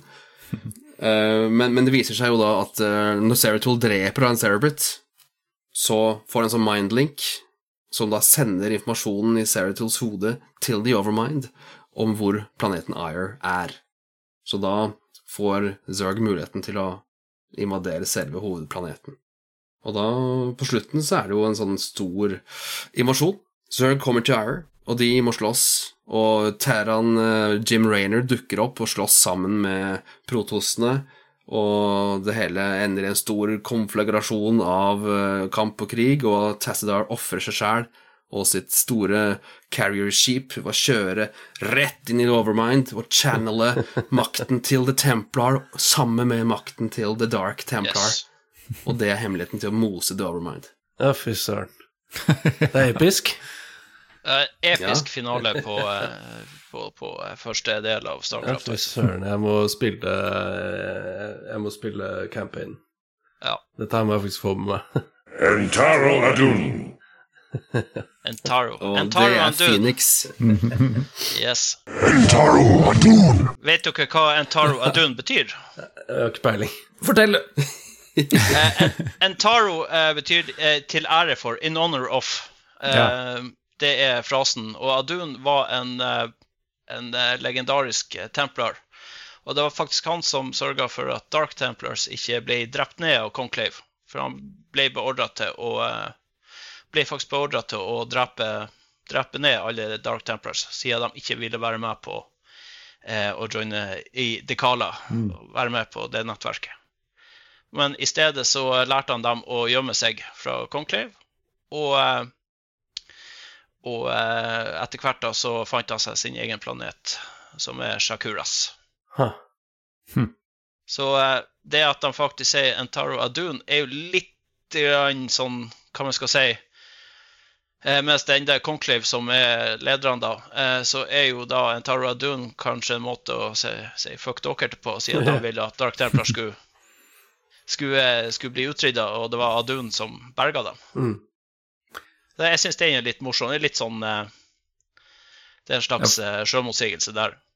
Ja, for det er en sånn hilsen som bare blir sagt eh, alltid. Sånn hei og ha det, aloha-setning, virker det som. Bare basert på hva, hva jeg har opplevd, i hvert fall. Ja, Ja. altså Entaro er til ære for, så det, det er jo også Entaro Adun er jo hvis de skal gå til angrep eller noe sånt. At de gjør det for Etter hvert så sier de jo også Entaro Tassadar. ja. Entaro Artanis, som kommer det etter hvert. Så det er jo en, det er jo en sånn eh, respektfrase, kan du si. Mm. Ja. Til ære for. At de gjør det Du ser jo- dem. Mm. Du ser jo vel likhet mellom Tassadar og Adun der. Det er villigheten til å ikke angripe og stay your hand, på en måte. Ikke gå fullt all in, for du har sympati med, med folk. Ja. Og ofre seg for the, for the greater good, for, for Ayer. Mm. Mm. My life for Ayer. Så det er litt eh, De har sånne RS-kodekser som de følger, både på godt og vondt. Jeg husker jo veldig godt at jeg spilte denne kampanjen, eh, og det var jo det var vanskelig for meg. Eh, Jeg sleit veldig med å komme gjennom eh, slutten av eh, Terran, og så klarte jeg eh, klarte jeg å begynne på Serger. Da begynner du litt lettere enn i de første oppdragene. Og så husker jeg kom til dette oppdraget der hvor du skal Der hvor, du, eh, der hvor altså Sarah kommer, kommer ut av denne kokonen hennes. da. Og der var jeg nesten å gi opp, for det var så vanskelig. Og så hadde vi jo en venn jeg og Sigurd som heter Larseren, shout-out eh, til han, til som, som bare sa du, eh, du vet du hva, nå må du, du må bare spille ferdig. Du kommer til å få en kjempeoverraskelse. Du, du kan glede deg til det som kommer der. Så det var liksom motivasjon for å, for å prøve en gang til da, på, på et oppdrag jeg syntes var litt vanskelig. Eh, Men jeg tror ikke jeg klarte Jeg klarte ikke jeg, gjennom Svergekampanjen. Det spilte jeg først i når Starcraft 2 kom. Da spilte jeg hele greiene, og da hadde jeg lært meg litt bedre micromanagement enn jeg hadde på, på 90-tallet. Så Ja. nei, det, det er kult. Nice. Nei, da er jeg vel ferdig med Starcraft. Eh, Sånn er ho- eh, som Vanilla Game. er det noe vi bør snakke om da før vi begynner på Brood War? Eh, om om liksom Vanilla Game? Når det minner eller et eller annet? Det er jo musikken. Uh, Ja, vi kjører den med en gang før vi tar historien. Nei, hva er den beste musikken? Altså, hvilken ras? Altså, jeg er forskjellig, forskjellig musikk eh, avhengig av hvilken av disse rasene du spiller. Hva er, favorittmusikken basert på det? U det er jo uten tvil Terran som er den beste Ja. musikken. Eh, Enig. enig. Protos er kul. Mm. Protos er helt ok. Kul musikk. Det er sånn epic uh, space opera. Zerg er sånn derre Forferdelig type musikk. Terran er skikkelig sånn der cowboy in space-musikk. Liksom. Ja, det er veldig gitar og Ja. Veldig Firefly-type stemning. jeg må dessverre si meg enig. Ja. altså, det skal si lydbildet er det, er det utro- Hvis du ser bort fra Eller ikke bare musikken, da. Det, det er alle lydene Sergere som lager. De har gjort en ekstremt god jobb på å liksom få det til å høres organisk og eh, litt sånn ekkelt ut. Og sånn, ja, jeg synes det er utrolig godt eh, eh, Ja, er det Folly Artist det kalles de som lager sånne Ja. lydeffekter og sånn? Stemmer. Nei, de har vært veldig flinke med, med, med både eh, altså, våpenlyder, skytelyder og unit voice, voicing og, og ja, lyder, brøling og sånn. Det, det er helt fantastisk hvor, eh, hvor bra de har fått det til. Nei, det er bare virkelig en hel pakke som er imponerende. Altså, i menyene, bakgrunnslydene, når mm. her menyene kommer inn og ut, vrum, vrum, vrum, vrum, Yes, og lydene yes. til den datamaskinhuet som snakker til deg og sånne ting, på Terran-campaignen. Musikken i spillet, lydeffektene som du snakka om, liksom. Det er den hele dimensjonen av lyd som er så omfattende og bra produsert. Så har jeg noen lydeffekter på lageret her. Kan høre om dere kjenner dem igjen. Ja, den, Discord, ja, den slipper ikke gjennom på Discord. Nei, Nei, jeg får putte dessverre. den inn på post uh, istedenfor. Ja. My life for ire. Skal vi bare late Å, den var Og jeg husker den der. ja. ja. ja, ja, ja. Oh, ja. Jeg husker Får til og med klippe det inn etter hvert? Å, Den det husker jeg så godt! Det er bra. Uh, for en ambience. For en ambience. Ja. Nei, ok. Men uh, da er vi ganske enige om eh, musikk og lydbilde her, da. At det er godt. Og Terran er den råeste. Musikken, ja. ja, musikken. Mm. Vel å merke. Bare, bare for å ha det spesifisert. Det er notert. Ja. ja. ok. Men som sagt, jeg klarte ikke eh, å komme gjennom kampanjen min før i, i godt voksen alder. Og når jeg prøvde meg på Brood Wars, så begynte jeg, men jeg ble litt eh, Ja, først ble jeg litt lei, for jeg hadde allerede kjørt den andre. Og for det andre så føler jeg at vanskelighetsgraden er pumpa opp et par hakk på, på mm. tilleggspakka. Så jeg, ja, jeg husker ikke hvor langt jeg kom, men jeg kom vel ikke mer enn eh, jeg, jeg ble ikke ferdig med første kampanje engang, så kan ikke Aksel, du hadde forberedt, eh, forberedt dette òg, skjønte jeg. Så kan ikke du ta oss gjennom eh, hva som skjer Litt i på? Brood, Brood War. Ja. Jeg skal bare si at fordi eh, Fram til nå så har vi jo ikke hørt noen ting om jorda, f.eks. Og jeg syns jo det egentlig er litt kult at her er det bare out wild. Du, du aner ikke hva som har skjedd back there. Men det bryter jo det, da. Det, det, det vet jeg, for det ser du jo allerede på introen. Eh, Da, det, da introduserer man jorda som en maktfaktor i Coprula-sektoren, eh, som endrer jo på ganske mye. Men Men ja, du kan fortelle, for du, du kan dette. Jeg bare har lest eh, overfladisk. Ja, nei, det er verdt å å nevne at altså, det spillet her kom ut Var det i mars 98, og så kom Brood War inn i, ut i desember 98. Og liksom, Ja, det er for meg, i huet mitt, så er det liksom Wow, er det så kort tid mellom? Det er jo enorm produksjon. Det er sykt bra gjort. Ja. Så ja, nei, Brood War, eh, det starter jo med en fantastisk CGI-introduksjon. altså, jeg syns CGI-en, videoene på Starcraft, er veldig kule. Eh, kanskje litt mer løsrevet fra hva som egentlig skjer i spillet. Mens i Brood War så er det bare enda mer imponerende. Der starter det med en sånn skikkelig stor greie med liksom et stort battleship i lufta over en planet som er i ferd med å bli overrun by the Zerg. Mm. Og der møter vi karakterene admiral, viseadmiral Stukov og admiral de Gaulle. Og de er da mennesker fra The United Earth Directorate, som er eh, i På jorda De var jo en, omtrent en sammenfatta uh, enhet uh, rundt tiden når vi starta Starcraft 1. Mens mm. når de observerte hva som skjedde i koloniene, og at det var aliens som menneskene der ute sloss mot, så fikk de like mye sjokk som menneskene i The Corporal Sector. Så da blei hele jorda til én en enhet, United Earth Directorate, like autoritær som før. Og de bestemte seg for å sende ut en gigantisk styrke for å ta kontroll over koloniene og over uh, aliensa. Og spesielt da med en tanke om å kontrollere Zerg for å ha en upper edge gjennom å bruke sånn type Psy-emitter-teknologi. Uh, det kom han litt inn i løpet av spillet på en måte etter hvert. Men liksom, det starter med det her, en stor, fantastisk intro. Og når du spiller Terran i i Brood War så spiller du ikke liksom med Rainer og gjengen, som basically da spiller du med The United Earth Directorate og Stukov og, og Dugal. Så det campaignen der handler om, er jo å ta kontroll. Uh, og der er det mye kule missions og masse artig action. Jeg tror ikke vi skal gå altfor langt inn i alle detaljene her sånn nå, uh, men uh, der, der, er det liksom en fyr som heter Samir Duran, er det den heter. Som er en allierte de allierer seg med, som viser seg å være en fyr som er infisert av Zerg-parasitter og sånne ting. Og masse liksom der ting som skjer, så liksom det er intriger mellom de to admiralene, og hvordan de skal liksom ta kontroll over sektoren. Men til slutt så får de faktisk tak på det. Det, det oppstår en ny overmind, som er ved at masse cerebrates, altså sånne under-Zerg-kapteiner, går sammen og lager en ny Overmind. Og den oppstår, og de får kontroll på den gjennom å bruke masse sånn Stimpack-juice som de tar, og styrer på en måte hele sulamitten, så de kan styre hele Zerg-rasen gjennom The Overmind. Så det er liksom første delen med, med Terran. Uh, bare skyt inn hvis det er noe dere vil legge til.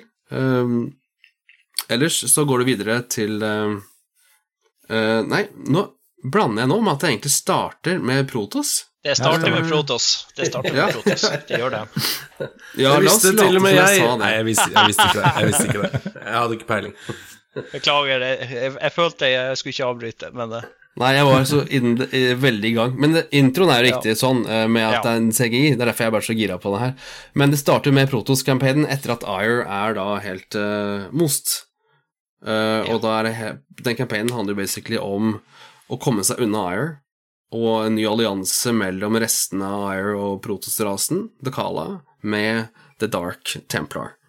Og da drar de til Shakuras og hooker opp med The Dark Templar der, og prøver å, måte, å få kontroll på ting. Og der møter de Kerrigan etter hvert, og Kerrigan og The Dark Protostene og Rainer og gjengen der, de har litt ting gående sammen.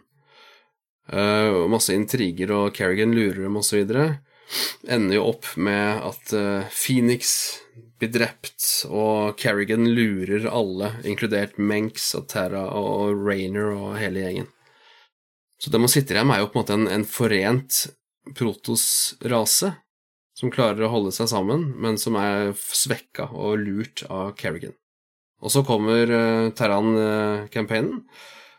Også siste campaign er jo da Zerg-campaignen. Det er så interessant, fordi at du, du føler liksom at de, de, gode vant når Protos avslutta, og nå avslutter du med de ja. onde i anførselstegn. Så sånn, hvordan, hvordan, skal dette ende?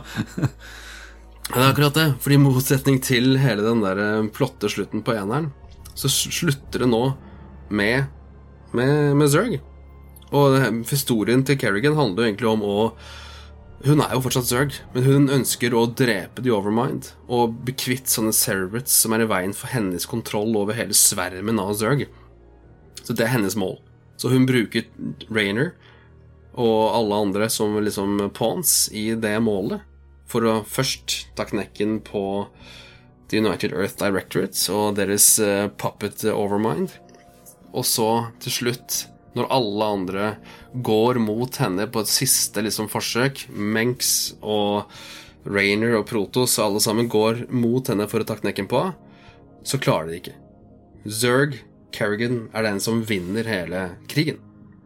Men mm. um, hun stikker jo, da, fra systemet, på en måte, eller fra liksom, der hvor folk bor, og blir borte. Så slutten er jo det at hun har vunnet, overvunnet alle fiender. The United Earth Directorate de drar hjem i skam. Og Menk sitter igjen på trona fortsatt i The Corporal Sector. Og Rainer er blitt en uh, outlaw. Protos er svekka, Kerrigan vant, men er da ikke lenger til stede. Så maktfaktoren på disse årene, det er vel bare et par år fra, fra Starcraft starter til Road War er over, um, er altså at uh, Arcturs menn skal ha overtatt for, um, for Terran-koloniene. Og hun uh, Sarah Carrigan, som nå kaller seg Queen of Blades, har overtatt Serg-styret. Uh, og jeg vet ikke hva, hva, hvordan er tilstanden da i, i Protos-leiren? Hvem er det som styrer der? Eller er det, er, det et styre der? det er litt vanskelig å, å, å, å si, men det er jo eh, Det er jo folk som tar over, da. Mm. Artanis er vel den som tar over for han eh, Tar over for Conclave-styret. Mm. Og det er vel det man egentlig kan avslutte med, siden da begynner man å bevege seg inn på Starcraft 2. Ja. Men det, det er en slags forent rase, da, vil man ikke si det? Altså ja. Protos er forent Dark Templar og vanlig Templar sammen, på en måte? Ikke helt. Uh, i, i, hvert fall hvis man skal følge um, hvordan ting utvikler seg i Starcraft 2, så er de ikke helt forent enda. Men uh, i forhold til hvordan det var, så har de nå, i, nå, nå Så er de i hvert fall på snakkefot nå, da, kan vi si. ja. Ja, Men det har i hvert fall skjedd ganske store forandringer i alle, innad i ja. alle disse tre eh, rasene. Og, og, maktbalansen er veldig forskjellig fra sånn det var bare noen få år tidligere. Det kan vi være enige om. Nei, men Dette er skikkelig kult. Og det har jo den Ja, som du sier, det kom allerede i 1998, så den, det tok jo ganske lang tid før vi fikk vite fortsettelsen i historien i Starcraft 2. altså, mm, jo da, det ja. fins jo bøker og mange av hvem vet hva det ikke fins, men, eh, men, sånn official story uh, er ganske Ja, det ble hengende lenge, den cliffhangeren hvor uh, Sarah Carrigan ble en dominant ja, figur. Du kan, tro, du kan tro jeg var gira når Starcraft 2 uh, var på mm. vei ut, så bare kunne få en fullendelse på den fortellinga med Carrigan og Rainer. Altså. Uff. Yep. Ja. Det var jeg òg. Og uansett hvor mye jeg elsker storytellinga i Starcraft, så gjør det noe enda bedre i Starcraft 2. Så om du, om du syns dette var gøy, så kan du gjerne spille gjennom Starcraft 2 og kose deg med det, den historien der òg. ja, ja, absolutt. Men ok, vi eh, har fått masse dyppa tærne i den store lauren som fins i Starcraft-universet, og jeg elsker, elsker, det. Jeg skulle gjerne hatt uh, to timer ekstra bare for å vite det, men det får bli en, en spesialepisode en, en annen gang i så fall. Um, ja, mm, tilstanden sånn nå i, i spillet Det hjalp på litt med noe ekstra enter og sånn, men er det Hva, hva er liksom største endringen i hovedspillet? Som, eller hva, liksom, hva tilfører dette, eh, hvis du bort fra historien, da? For dere? I forhold til uh, originalene? Ja, ja. Nei, altså ja, Det er jo Du har ekstra units og sånne ting. Liksom. Du har noe healere, medics på mm. Terran og lurkers og sånne ting, liksom. Og noen Dark Templars, uh, Archons og så videre. Jeg kan sikkert si mer om Ja, du kan si mer om det, Tore og andre, men bare, for meg så er det egentlig det, det Jeg opplever at det er noe som skjer med, med Brood War som estetisk sett kulere utseende på kart og bare at spillet funker bedre. Historien er tettere forklart, bedre forklart, funker kulere, og liksom funker kulere, funker bedre. Og det er liksom, når man spiller multiplayer også, så, er det noe med Broodboard som bare at det gjør at det jeg vet ikke det, er mer velfungerende spill. Jeg, jeg, jeg, kunne nesten ikke, jeg kunne ikke ha sagt det bedre sjøl, egentlig, for det var akkurat det jeg egentlig hadde tenkt å snakke litt om. Det er egentlig mm. bare det at eh, quality of life ting. Veldig små ting, egentlig, for utseendemessig eh, er litt freshere farge, syns jeg. Eh, ser litt mer eh, Det ser mer fargesprakende ut. Uh, litt bedre bruk av fargepalett, rett og slett. Uh, det er fortsatt samme elendige passinger på units, som man lærer seg å leve med. og det man teller kan synes er sjarmerende iblant. Uh, stokke dumme units, rett og slett. Men det er det, det, føles mer smooth ut. Jeg er helt enig. det er litt vanskelig å, å det er vanskelig å spesifisere nøyaktig hva som er bedre. Men det, ja, det føles mer smooth. Mer Men får man, noe, får man, noen nye rå units? Eller noen nye units, i hvert fall? Ja, altså, ja, han sa det jo i stad. Eh, F.eks. Medics for Terran, mm. eh, Lurkeron for, eh, for uh, Zerg, og Dark Archons, som er kanskje og en av mine favorittunits i, um, i Broodward da, pga. Eh, feedback. Eh, spesielt feedback. Eh, og at du kan ta over units. Så at hvis du spiller Protos Og det, det, gjør de ikke i Starcraft 2, som jeg faktisk savna litt. Men at du kan ta over da eh, arbeiderne, droner og workers til eh, SIV-ene til Terran og Sorg. Og så kan du så har du plutselig Sorg og Terran eh, Unis òg. Ja. Du kan ta hele tech-treet deres òg i tillegg. Det er så kult, ass. Det er dritrått, rett og slett. Så det er litt som, uh, litt som presten i, uh, i Age of Empires?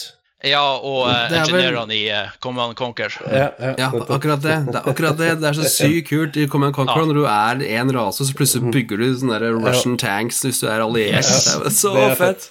Du får alt det, er, det fete. Mm. Det er dritrått.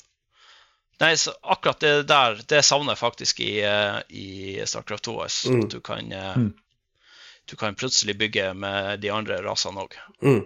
Ja, du sa akkurat to, så er det vel en Zerg-unit, er det ikke som er eh, Du kan gjøre det med eh, Ja, du, du har infesteren, men eh, litt du, du, deler For det første så deler du eh, unit points. Eh, altså, du har jo, du har jo en uh, ja, riktig, 200, 200, limit på units, mm. ikke sant? Mm. I ena der får du din egen Uh, egen uh, rubrikk, kan du si. altså. Der kan du bygge 200 wow, av ja. Terran. Og så kan du i tillegg da bygge 200 av Zerg og, okay. og Protos. Så du, kan opp til 6, du har 600, 600 unit points til sammen. Ja. Eh, det har du ikke i toa. Nei. Så det, det, kan du si, det er litt forskjell der. Og så er det litt begrensa i campaign, i hvert fall. jeg har ikke brukt det noe særlig i, i PVP å ta over units for å bygge bygge andre ting, men jeg er faktisk litt usikker på hvordan det, hvordan det fungerer. Men ja, i alle fall, det, det var en revelation, husker jeg, å bygge Dark Arkham. Å, oh, jeg kan ta over units! Nå! Nå, jævlor! Nå blir det Nå blir det Marineball og ja. Sellets om hverandre. der er vel en sånn klassisk sånn der, Det er veldig kul ting som, som, gjør at hvis du allerede vinner, så vinner du enda mer. Men det, ja. i praksis så er det, så er det enten eh, avgjort eller ikke avgjort, liksom. ja, det er akkurat det. Ok, jeg lurer på, vet dere, Visste dere at det var en expansion til som het Starcraft Insurrection? Er det ja. noen som kjenner Ja, du kjenner den? Jeg har aldri spilt jeg har lest om den. Jeg har ikke spilt den. Jeg har ja. lest om den. Uh, men visste dere at i tillegg til det, så Nei. laga de også en, eh, en, eh, Så holdt de også på å utvikle en tredjepersons-shooter som heter Starcraft Ghost. Ja. Den, den ble jo, kom, jo aldri, kom jo aldri ut. av. Den ble jo stoppa i mid-production, dessverre. Mm. Men det, der var det i hvert fall du skulle styre Onova, som er, en, som er med i historien på, på Starcraft 2. Mm. Men da skulle du iallfall styre hodet gjennom en del missions. Som, ja, som en sånn tredjepersonsshooter. Ja, litt som Renegade med, med Red Alert. ja. Mm. Yes. Men det var vel også en expansion pack som var lagd til eh, Brood War også, som er litt lignende den du nevnte, som er sånn ikke kjent. Det er to expansion packs som er helt ukjente, mente jeg å oppdage når jeg gjorde researchen i episodene. Oi, to? Jeg fant bare én. Jeg fant på Insurrection. Ok, jeg skal finne av. Men uh, bare for å si det med Instruction grunnen til at den ikke er kjent, er fordi den er ikke lagd av Blizzard. Den ble sanctioned av Blizzard, men uh, den ble lagd av et kanadisk selskap som het uh, skal jeg si, hva heter det, Aztec New Media. og Aztec, ikke Ja. Og den Ja, det, det, det var det, det bare merka at den var ikke polished, og det var liksom veldig altså i forhold til den sterke Star Trek, både, nei, Star Trek, Star, Starcraft, eh, både storyen og alt mulig, så, så var den veldig platt, da. Eh, er det, jeg har lest om den i hvert fall. Så det er vel derfor den overhodet ikke er kjent. Det som er litt kult med Blizzard, eh, som du nevnte med dette eh, ja, kansellerte spillene, sånn som eh, Ghost, og eh, samme egentlig med et eventyrspill i Warcraft-universet som het Warcraft Adventures, eller noe sånt. Eh, det er at de har tatt hele, hele historien eh, som de hadde nesten ferdig, eller hadde helt ferdig, har de liksom bare gjort canon, selv om de ikke får spilt spillet. Sånn at alt dette har liksom kommet, blitt gjenfortalt i senere spill. da. Og det er litt kult at de bare lar det leve videre i en annen form, på, på sett og vis. Jeg liker det. Ja, at det er så univers, det er så sant i sitt eget univers at de bare beholder disse tingene. Mm. Ja, det er, det er rått. Ja, det har blitt sagt for så vidt allerede, men jeg vil bare understreke at liksom, de, de, små endringene i Brood War syns, Altså historiemessig syns jeg at jeg merker det når jeg spiller det spillet, at eneren er veldig kult, men det er noe med selvtilliten i karakterene som er skinner veldig i Brood War. Som de på en måte har blitt kjent med og skrevet ut og liksom utvikla, med Menks og med Kerrigan og Rainer og hele pakka. Det er ja, nydelig. Jeg skjønner jeg må spille gjennom uh, både eneren og expansion her, da. Um, mm. Det, det, det, må du. Og kose meg med law. for, for første ja, gang ever. første gang. Insurrection og Retribution, to forskjellige ah, Den har jeg ikke funnet noe spor av. Det er Retribution, ok, ja. Retribution kom i slutten av 98. Hmm. Det er bare, egentlig bare sånn maps med noen sånne der eh, ja. ekstra stemmer Map, eller sånne ting. Map-pakke, ja. mm, ja. ja. Og så kom jo dette også av alle ting til Nintendo 64, så, så det var helt grusomt å spille på. Og det var jo, kom jo ut år 2000, og det var jo dårligere grafikk og alt mulig, så jeg, nei jeg, Det er jo helt absurd. Det er så absurd som det kan få blitt det. jeg husker jeg spilte Command Conquer på PlayStation. What? Jeg har hørt, jeg har hørt Red det. Alert. Men, Red Alert. Det var jo forferdelig. ja. ja, jeg har prøvd. Riktig svar. Stakkars må være enda verre. Nei, i alle dager. RTS og konsoll hører ikke i lag. Nei, absolutt ikke. Det tror jeg på. Jeg har ikke mm. prøvd det, eh, men jeg tror på, tror på det. Mm. Ikke vits. Nei, det... Ikke for å drukne i alt mulig annet, altså, men når Steam skulle lage den der kontrollen sin, som hadde sånn haptic feedback, og man skulle liksom ikke ha vanlige mousepads, eller ikke vanlige sånne opp- og ned-piler, mm. da var det folk som spekulerte i at dette her blir så bra kontroll at dette kan man spille Starcraft på. Mm. Husker jeg spesifikt. Det skjedde ikke. Nei. Jeg, kjøpt, jeg kjøpte den kontrollen. Jeg, jeg brukte den tre ganger. ja. oh, ja. Ok, ok. Spennende. Mm. Det var bortkasta penger. Ja,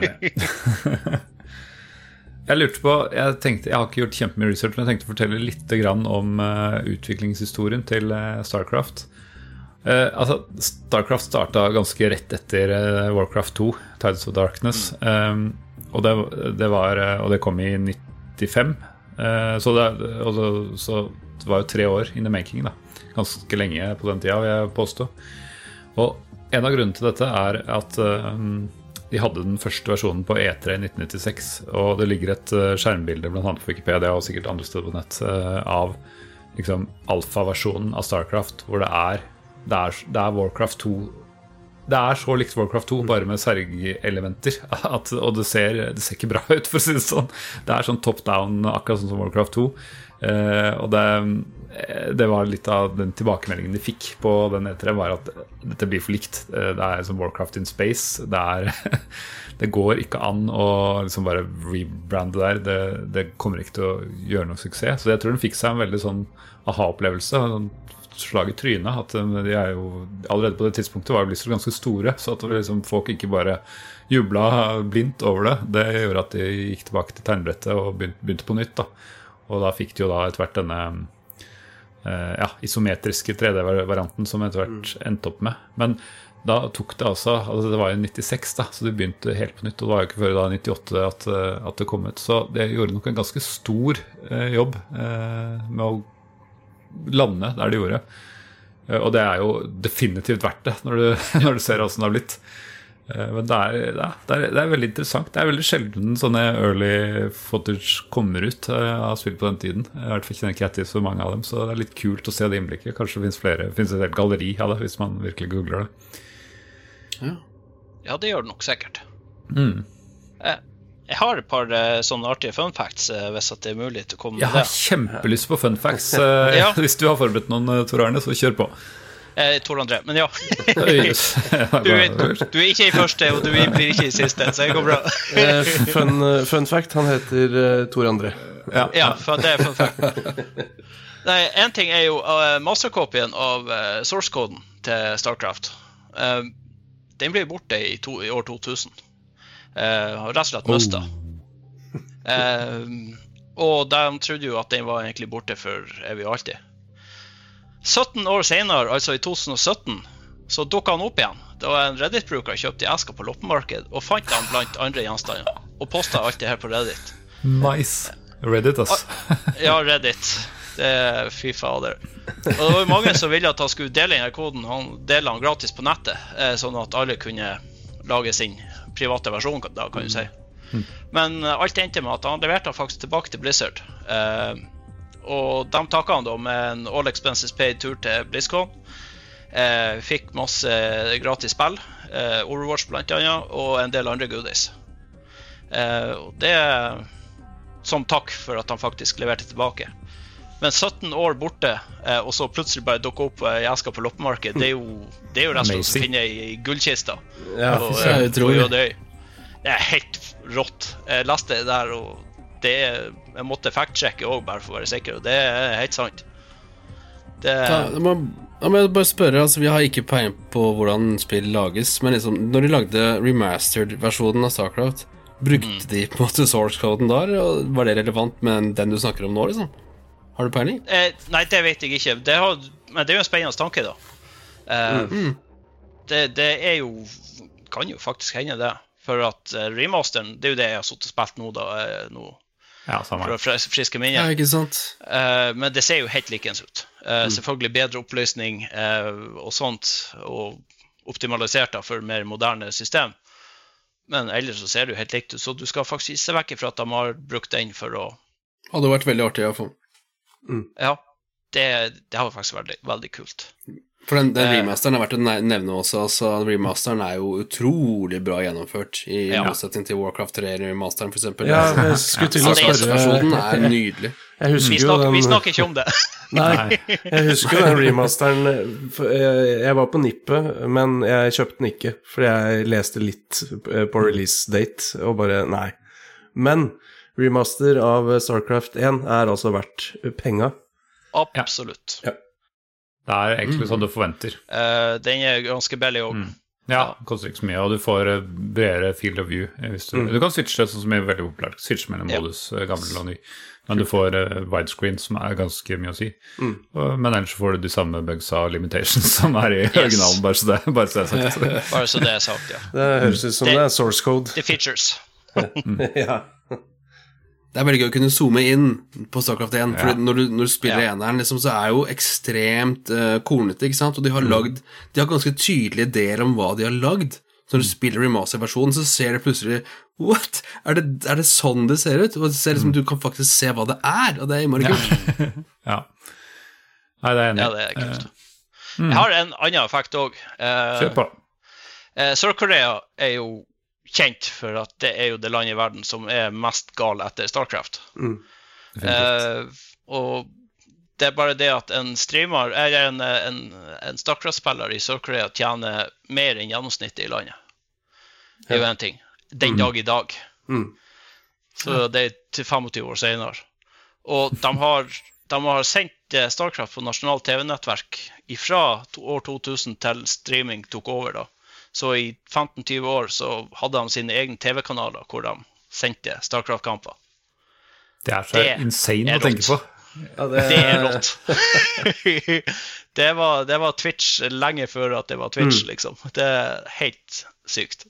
Det er jo, jeg har jo hørt dette før, men jeg husker at det var, et, altså jeg, jeg, jeg, var et tidspunkt jeg tenkte at dette er bare vandrehistorie. Dette er selvfølgelig, Jeg forteller det videre. Hvis du I Korea så har man det på TV. Men det var, var lenge at jeg trodde at det sikkert bare var en vandrehistorie. Men eh, ja, det er helt amazing.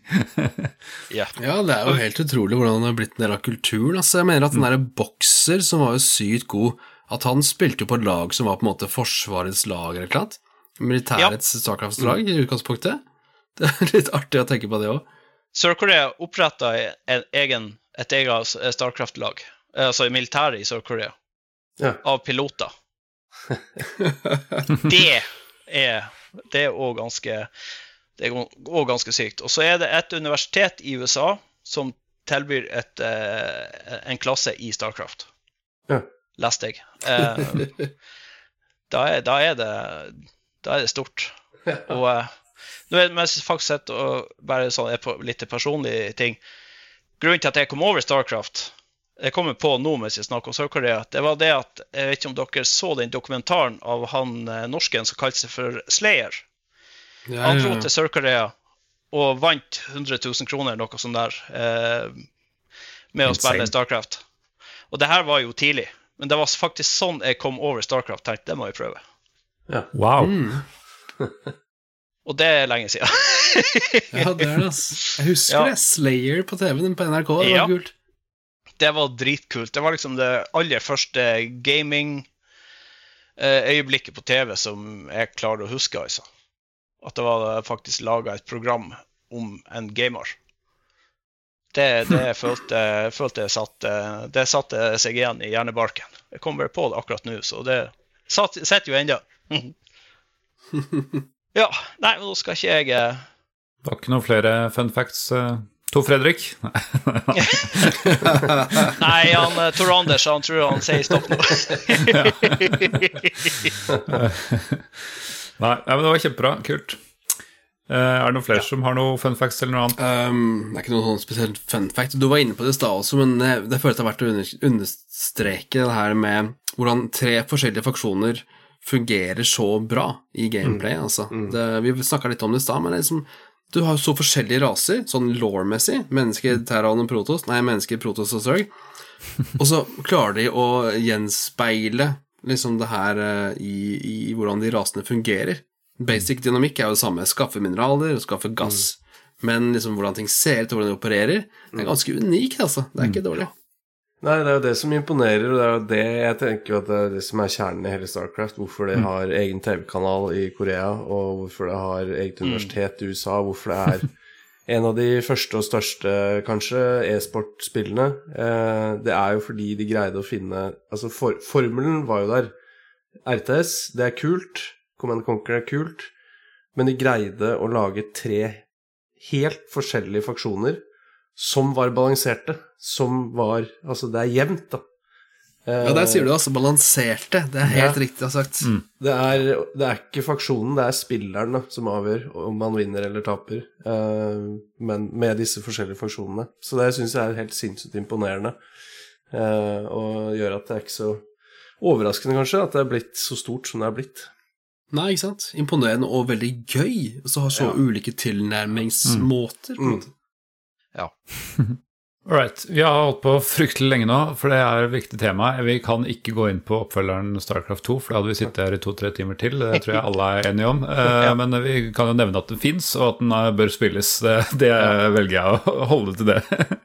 Enkelt og greit. Um, ok, eh, vi legger jo ut en liten snutt på sosiale medier, eh, hvilket som er det kommende spillet, og ikke uventet så har vi fått mye kommentarer eh, i dagens, eh, eh, dagens tema, som er Starcraft. Eh, ja, nå som du er tilbake, Sigve, har du lyst til å sjekke våre sosiale medier for, eh, for Du, kommentarer? Det, det kan jeg gjøre. Jeg eh, eh, beveger meg ikke inn på den nye, spennende Twitter-alternativet som du har funnet fram der.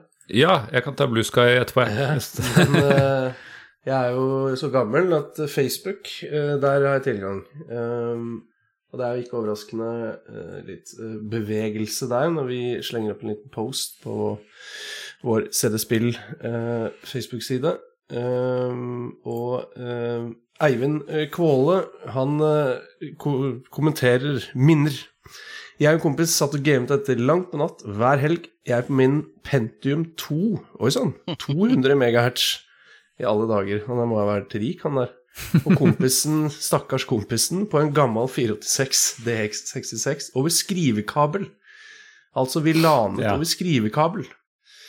Eh, Ja, vi slo jo CPU ganske greit, med stor selvtillit. Eh, Dro vi på et LAN i Levanger. Vi bygga bunkers og var klar. Men hadde vi Marines i dem? Nei, det glemte vi. Ble noen latterkuler som føyk mot oss. Og så kommer det noen sniks... Nei, egentlig ikke snikskryt. Vi kom tilbake året etter og vant hele landet, he-he. Good times. Nei, er så fint. Det er så fint. Eh, Kjetil Hartvigsen eh, minner Marines i bunker. Masse surglings imot. Yamoto gun på Battlecruiser. Det blir riktig. Yamoto gun, ja. Yamato. Eh, Yamato. Ja. Ja. Stemmeskuespilleren til Taran Dropships høres ut som hun som flyr tilsvarende i filmen Aliens. Det stemmer. Ikke sant? Altså, dette er et eh, fun fact. In the pipe, five by five. Det er uh, I Aliens så sier de 'in the pipe five by five'. Eh, Jeg skjønte ikke den referansen før relativt nylig. Men akkurat den samme sier Return Dropship, og du ser ganske likt ut da, så det er en åpenbar referanse. Så ja, fun fact fra meg her òg. Kult. Jeg, jeg trodde jo alltid de sa 'in the five, five, five, five', altså 555, for jeg hører det er low res, men det er altså pipe five by five, hvis noen, hvis noen er i tvil. Um, og uh, Kjetil, ja, ikke minst, spille dette spillet på internettkafeen LAN-stedet Metropolis i Bergen. Åh, her er det mye nostalgi. Internettkafé. ja. Masse, masse gode minner, selv fra en som foretrakk Westwood sine spill. Ja, det, det kan vi vel være kjent. litt enig i. Ja. Gleder meg til episoden. Du, det er hyggelig, Kjetil. Den får du snart eh, høre. Eller nå har du hørt den. Det er sånn det blir. Ehm, Carl Peder, sjømelding. uh, How We Scream i Terran Academy. Uh, det, det, How We, Ja. hva, for det vekker et eller annet minne hos meg òg, men jeg greier ikke Har du den, eller? Det er den derre ja. Ja, ikke sant?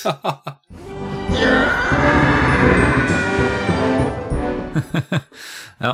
Ehm, å bli uh, marinesoldat i den hæren der er ikke bare bare, høres det ut som. Nei, det stemmer nok. uh, og Christian Enersen sier runda det flere ganger som kid, både main game og expansion. Prøvde meg på nytt som voksen, men sitter fast på et Terran Mission. Ja, Og- det er motsatt av meg. Da. Jeg har blitt flinkere på åra. Han har eh, forfalt i løpet av åra. Og Remi Jacobsen uh, er inne på det vi snakka om tidligere i episoden. Er mer interessert i retrospill. Dette er vel for moderne til å være DOS. Ta, du tasta jo ikke CD-spill for å komme inn i directory til det her. Jeg er liker helt- at den holder oss på brand her. er Beklager, beklager. To timers tabbe. Ja, det er helt riktig. Men uh... Nei, da scrapper vi bare hele ja, jeg tror vi bare må droppe hele episoden. Takk for oppmøtet. Vi, uh, så er vi jo strengt tatt fram til 2000, men jeg liker at Remi påpeker uh, det. Det var det jeg fant. Eh, så da kan du korrigere meg, Mammen, på det jeg ikke har funnet. ja, da tar jeg Det var Facebook du var på, var det ikke det? Ja, det stemmer. Da tar jeg en omgang på Blue Sky, som er nytt, eh, relativt nytt sosialt medie. Jeg har masse invite codes hvis noen vil ha det, for det er foreløpig lukka. Men det ser helt likt ut som Twitter, så hvis du liker Twitter, så liker du sikkert det her. Bare uten alle botsene som Elon Musk har trodd han skulle bli kvitt. Anyways, Joakim Froholt har meldt seg på der, og han sier det. Jeg spilte det på en eh, Aptiva multimedia-PC som ikke var helt kompatibel med DirectX-versjonen som ble brukt av storspillene på den tiden, inkludert dette. Resultatet var at jeg kom gjennom den første kampanjen før spillet gikk i stå tidlig den andre. Har fortsatt ikke fullført Starcraft. Nei, det er jo som deg, det, Sigve. Det er helt riktig. Bare at du har ikke den unnskyldningen. Nei, jeg har ikke noen unnskyldning. Det har jeg ikke. Men eh, da får vi får fullføre spillet, vi da, fru Holt. Tim Odenstad skriver Dette pleide vi å spille på LAN hos kompiser i kjellerstuer, og, og når foreldrene til folk var borte på ferie. Høres herlig ut. Ja, deilig. Alltid veldig god stemning. Husker vi ble forbauset over at Sør-Korea på et veldig tidlig tidspunkt sendte kamper på TV, eh, pluss sambygning som prøvde seg som proff der borte. Eh, han fikk det veldig tøft. Ja. ok. Eh, altså shout-out til han, men eh, Kult at han prøvde. Kult. ja. Eh, all right. Rune Møllmann skriver Spiller det fortsatt av og til. Musikken er herlig, og Siege Tank er rå. Kommer aldri helt inn i Starcraft 2, men eneren vil alltid stå meg kjær. Uh, ja, det kondolerer med Starcraft 2, men eh, jeg er enig med alt det andre du skriver. Ja. Uh, ja. Uh, Og så har vi Tommelun som skriver Dette spilte jeg på min første egne PC. Arvet stolt etter min far, eh, som bare to år etterpå lag, eh, lagget under de harde spekkkravene til Diablo 2. Eh, Mitt stolteste minne med Starcraft er å vinne på LAN hos onkel ved å fly basen min inn i et hjørne og late som jeg var død til de andre ga opp. Jeez. Den var ny. Ja, Oh no! den var ny. Ok. Du gidder ikke å spille, men du bare Du skal ikke tape, i hvert fall. ok. Ok, og til slutt der, Anders Berge. Fikk aldri spilt det, men holder på med Starcraft 2 nå. Liker det veldig godt, eh, for et stilig univers. Og det kan vi skrive under på alle sammen. Ja. Og da Absolutt. Ja, det var det. Og så er det til slutt X. X-Twitter. uh, var det eh, Hadde du det, Sigve? Ja, eh, jeg, der eh, er tydeligvis folk har gått over til Blue Sky, for her er det ingen eh, kommentarer, så vidt jeg kan se. Tror det har kommet en. Jeg kan sjekke selv. Skal vi Ja. Ja, vi har fått én kommentar på det som tidligere het Twitter, som nå heter X. X-Twitter. Eh, og det er Erlend Fiddan, eh, som har vært gjest. Eh, og ja, Han hadde en veldig trist historie på Dark Forces om hvordan broren hans banka han opp fordi han likte sci-fi. Og det, det, det, ja, det var veldig What? trist, faktisk. Jeg syns litt synd på han. Og nå skriver han ja, og da skriver han I likhet med Dark Forces så kom dette spillet også innunder sci-fi-forbudet fra min bror. Jeg merket nå at det verket en slags traumatiserende følelse i meg. Så Starcraft er selvsagt bare et drittspill. så, Ja, Men hvor er den broren? Jeg, jeg skal prate med ja, broren. Ja, akkurat det sa vi også. Så vi, jeg syns litt synd på han. Jeg håper, håper han har gitt seg nå, ellers får du, i hvert fall si, si fra. jeg skal finne den broren, men det kan vi ta utafor episoden. Ja, vi skal eh, ordne opp. Vi skal eh, Bare si Så- fra tid og sted, så kommer jeg òg. Ja, Ja. jeg skal fikse det. Nei, så veldig sympati. Det, det hadde vært et bra spill, men uh, takk for broren din som for, eh, for, ja, for kludra det minnet, så veldig Så var det rett og slett veldig trist. Uff. All right. Over til noe mer uh, lystig. Vi eh, er holdt på veldig lenge, og vi er i sluttsegmentet. Og vi må bare finne ut om spillet har holdt seg. Altså, Går det an å spille i dag? Er det fortsatt gøy? Er det verdt å spille? Um, ja, hvem vil begynne? Um, jeg tror at den er eh, helt, helt klar, at vi alle er enige. om at Det er veldig veldig holdbart. Spesielt remaster-versjonen. Nydelig. Ja, Ja. kort og greit. Jeg er òg enig i det, at eh, det er fortsatt veldig spillbart. Men det, det, og remasteren er veldig, veldig bra og gjør det mye bedre. Men i kontra moderne spill så er det fortsatt litt klunkete og tungvint. Så det er en overgangsfase der du må bare lære deg at sånn er det, sånn var det, og ta det for det det er. Uh, med, med de tingene som er sagt, unipathing, at du bare kan ha tolv units i ei gruppe, ikke sant, så de der tingene. Som Ja. eh, Ja. Men sånn, når du kommer over den delen, bare åh faen, så eh, etter det så er det fortsatt et veldig bra spill. Jeg har spilt uh, ja, eneren eh, ordentlig back in the days. Jeg har spilt remaster sånn semi-nylig. Eh, jeg syns at Man kan jo stille seg spørsmålet Ja, men med disse quality of life-tingene som mangler, kan man ikke da bare spille Starcraft 2? men det er eh, masse law og masse eget i Starcraft eh, som gjør at det er ikke det samme spillet. Eh, som gjør at det er absolutt en verdi i å spille eneren, og remasterversjonen gjør det absolutt spillbart. Det var en lang runde. Eh, jeg gir eh, spillet to tomler opp. Det er ja, altså. Alle tomlene du har, det, Sigve. Det er helt riktig. I hvert fall de to jeg kan vise fram offentlig. All right. Nei, altså jeg må skrive det på det samme her. Altså, jo, det er irriterende som sier pa- pathfindinga er bedre enn i Command Conquer, som er helt ræva. Ja, Men, det det er sant. Å, nå kom jeg på det. Oh no. Ja. Men det er fortsatt problematisk, og du, du, å få enheter til å gå forbi hverandre og sånn det, det kan hvor, altså, jeg, Du lærer deg sikkert teknikker for alt mulig, men det er, det er, ikke, det er ikke perfekt, for å si det sånn. Eh, Det er mye clunky, men alt dette sett bort fra deg, det er et knallsolid spill, og det funker så bra. Og storyen er god, og ja, det er rett og slett eh, alle tomlene mine opp også, for, for å si det sånn. Og musikken er fortsatt like bra. Åh, herlig musikk. Den gitaren Helt Oh, klart. yes. Og en siste ting. Jeg, har jo, jeg tester jo noen ganger disse spillene på sønnen min, som er ti år. Han liker jo allerede Command Conquer og Warcraft, litt sånne ting. Så det var jo Jeg regna med at dette skulle bli eh, lett match, men han elsker det. Eh, han Ja, jeg har jo spilt eh, oversatt litt campaign og sånn sammen for at han skal skjønne historien, og han bryr seg ikke sånn like mye som meg, men, men han digger det spillet. Så han, eh, han spiller jo eh, sånn som jeg også gjorde det på den gangen, ved å bare, bare liksom campe og bygge 100 000 av de beste bombardmentsenhetene, eller hva det skal være, og, og som funker imot dårlig computer, i hvert fall i campaign, men, men han bare elsker det. Så det er, det er vel et bevis på at det er et godt spill, når, eh, når remasteren får, får en tiåring til de har lyst til å spille det. Absolutt. Absolutt. Yes, eh, det hender jo vi er innom Fins det noe tilsvarende i dag, og da sier vi bare Starcraft 2. Hvis det er noen som absolutt har noe annet RTS å anbefale, så, så vær så god. Ja, jeg sitter og leter i Åh, jeg har det i Steam, eh, men jeg husker ikke hva det heter. Eh, Mens du googler, er det noen andre som har um, Har noen RTS-spillere vi anbefale? Eh, Ja, ingen, annet enn Starcraft 2.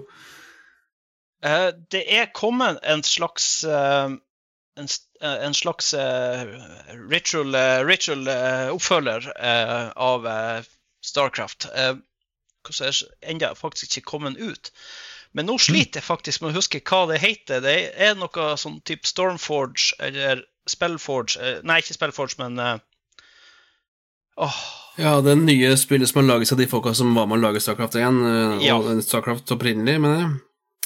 Det er Yes. noe sånn Stormforge-greier her. men når du, når dere ikke, mens dere ikke husker det, så kom jeg på hva jeg ikke huska. Perfekt. Ja. Så da Jeg ser jo du får jo en, en lunken mixed på, på Steam, men eh, jeg tror jeg har det, og har spilt det litt, og det er litt gøy. Eh, Og det heter Grey Goo, eh, hvor du da kan spille Ja. eh, det slående liksom likt sånn eh, en slags Zerg-aktig, eller en slags Protoss-aktig, eller Humans, da. Eh, Grey Goo, hva det du? Grey Goo, det er helt riktig. For et anonymt navn. Ja, veld, veldig. veldig. og Ja, jeg vil um, skyte inn at det han godeste Tor André var inne på, var jo Stormgate. Det er jo ikke ute, Yes. det kommer jo etter hvert. Det er jo laget av de som lagde Starcraft opprinnelig. Så Ja, det er jeg spent på. Se her, ja. Da wishlister vi det. Men uh, du spurte veldig generisk i stad om jeg kan anbefale noe ETS. Uh, jeg vil anbefale Homeworld Uh, ja. Eh, Hva heter det? Shipbreaker. Det der spillet de lagde etter Homeworld, som er på bakken. Du spiller nå Eh, for tida. ja, det er Amazing. Det heter uh, Deserts of uh... Deserts of Carrack, ja. Opprinnelig Yes. så het det Shipbreaker, men så endra de tittelen til Homeworld uh, Deserts of Carrack. Ja. Veldig, veldig bra. Det er òg veldig bra. Eh, og bare som en sånn slags uh, Følger med, så kommer Homeworld 3 til neste år, til våren. Ja, ja, ja, ja. Eh, etter å ha ligget på, eh, på eh, gjerne Åh, hva det heter det igjen? Uh, innsamlingssiden. Eh, Ja, sånn Kickstarter. kick- Kickstarter. Kickstarter. Ja. Ja. Riktig, riktig. Tror ha der lenge, så er det skal det komme til våren. Ja, det 3. er jo wishlist på den Det gleder jeg meg til. Det er Blackbird Interactive, er det ikke? De er jo Ja. gode, altså. De er veldig flinke. Uh, og Homeworld 1 2 har jeg spilt mye. Det ble mye, det ble mye godt nå, Mammen. Det ble mye nå bra til slutt. tilsvarende? Ja. ja. Så her er det bare å plukke for eh, alle våre lyttere. Ja, Det er så kult at det er faktisk er noe. Jeg var redd for at det ikke var noe. At det var en sånn død sjanger. Men åpenbart så litt, litt nede i periferien så ja, fins det et og annet. Ja, ja, Absolutt. Absolutt. All right. Men ja, Stormgate, Stormgate Jeg tror det blir jævlig bra. Beklager, men jeg tror det blir Nei. fantastisk bra. Kjempekult. Nei, men uh, da er vi egentlig ved veis ende. Vi skal, uh, Jeg lovte egentlig for uh, siste episode at neste spill skulle være eh, Indiana Jones and the Fate of Atlantis. Men da kan jo Sigve fortelle hva vi skal ha som neste spill denne gangen, da. Ja, eh, neste episode så får vi et, eh, et gjensyn, eller vi, vi får tilbake vår eh, nære og kjære programleder eh, Sigve. Eh, han er endelig stått fra de døde, så han vil være tilbake. Det gleder vi oss veldig til. Eh, og eh, i den eh, anledning så skal han snakke om det mest formative spillet gjennom hele hans liv. Og det er Indiana Jones and The Fate of Atlantis. Nydelig. Det gleder jeg meg skikkelig til. Alle, alle deler. Og så må jeg bare til slutt si tusen takk for, eh, for deres innsikt her. Eh, Ja, Aksel, du hadde jo virkelig stell på Jeg hadde kanskje forberedt deg litt, men du hadde virkelig stell på historien her, og jeg elsker jo å høre om den låren her. Så takk for eh, din tilbakekomst. Det var min glede. Takk skal du ha. Takk skal dere ha. Og du, Tor André, eller Tor Petter eh, Sorry at jeg blanda litt navn underveis, men eh, fint. tusen, ja, da. Eh, tusen takk for at du eh, Du hadde jo masse strategier og fun facts og ting som ikke jeg hadde peil på, så det var veldig koselig å ha deg med. Det er veldig artig å få være med på det. det jeg, har hørt, jeg har hørt på dere, og det, jeg liker formatet og jeg, jeg liker podkasten, så veldig stor ære å få lov å være med. Tusen takk, det er et godt utgangspunkt for å være gjest og like det vi driver med. Vi Ja. ikke skal prøve å fikse oss. Helt sant. Ja, ja. Og tusen takk, Sigve, for at du har endelig dukket opp fra de døde og har vært, fått prøve deg her igjen som, som gjest. Bare hyggelig. Bare hyggelig. All right. Ok, ha det bra, folkens. Ha det bra. bra. Ha det bra.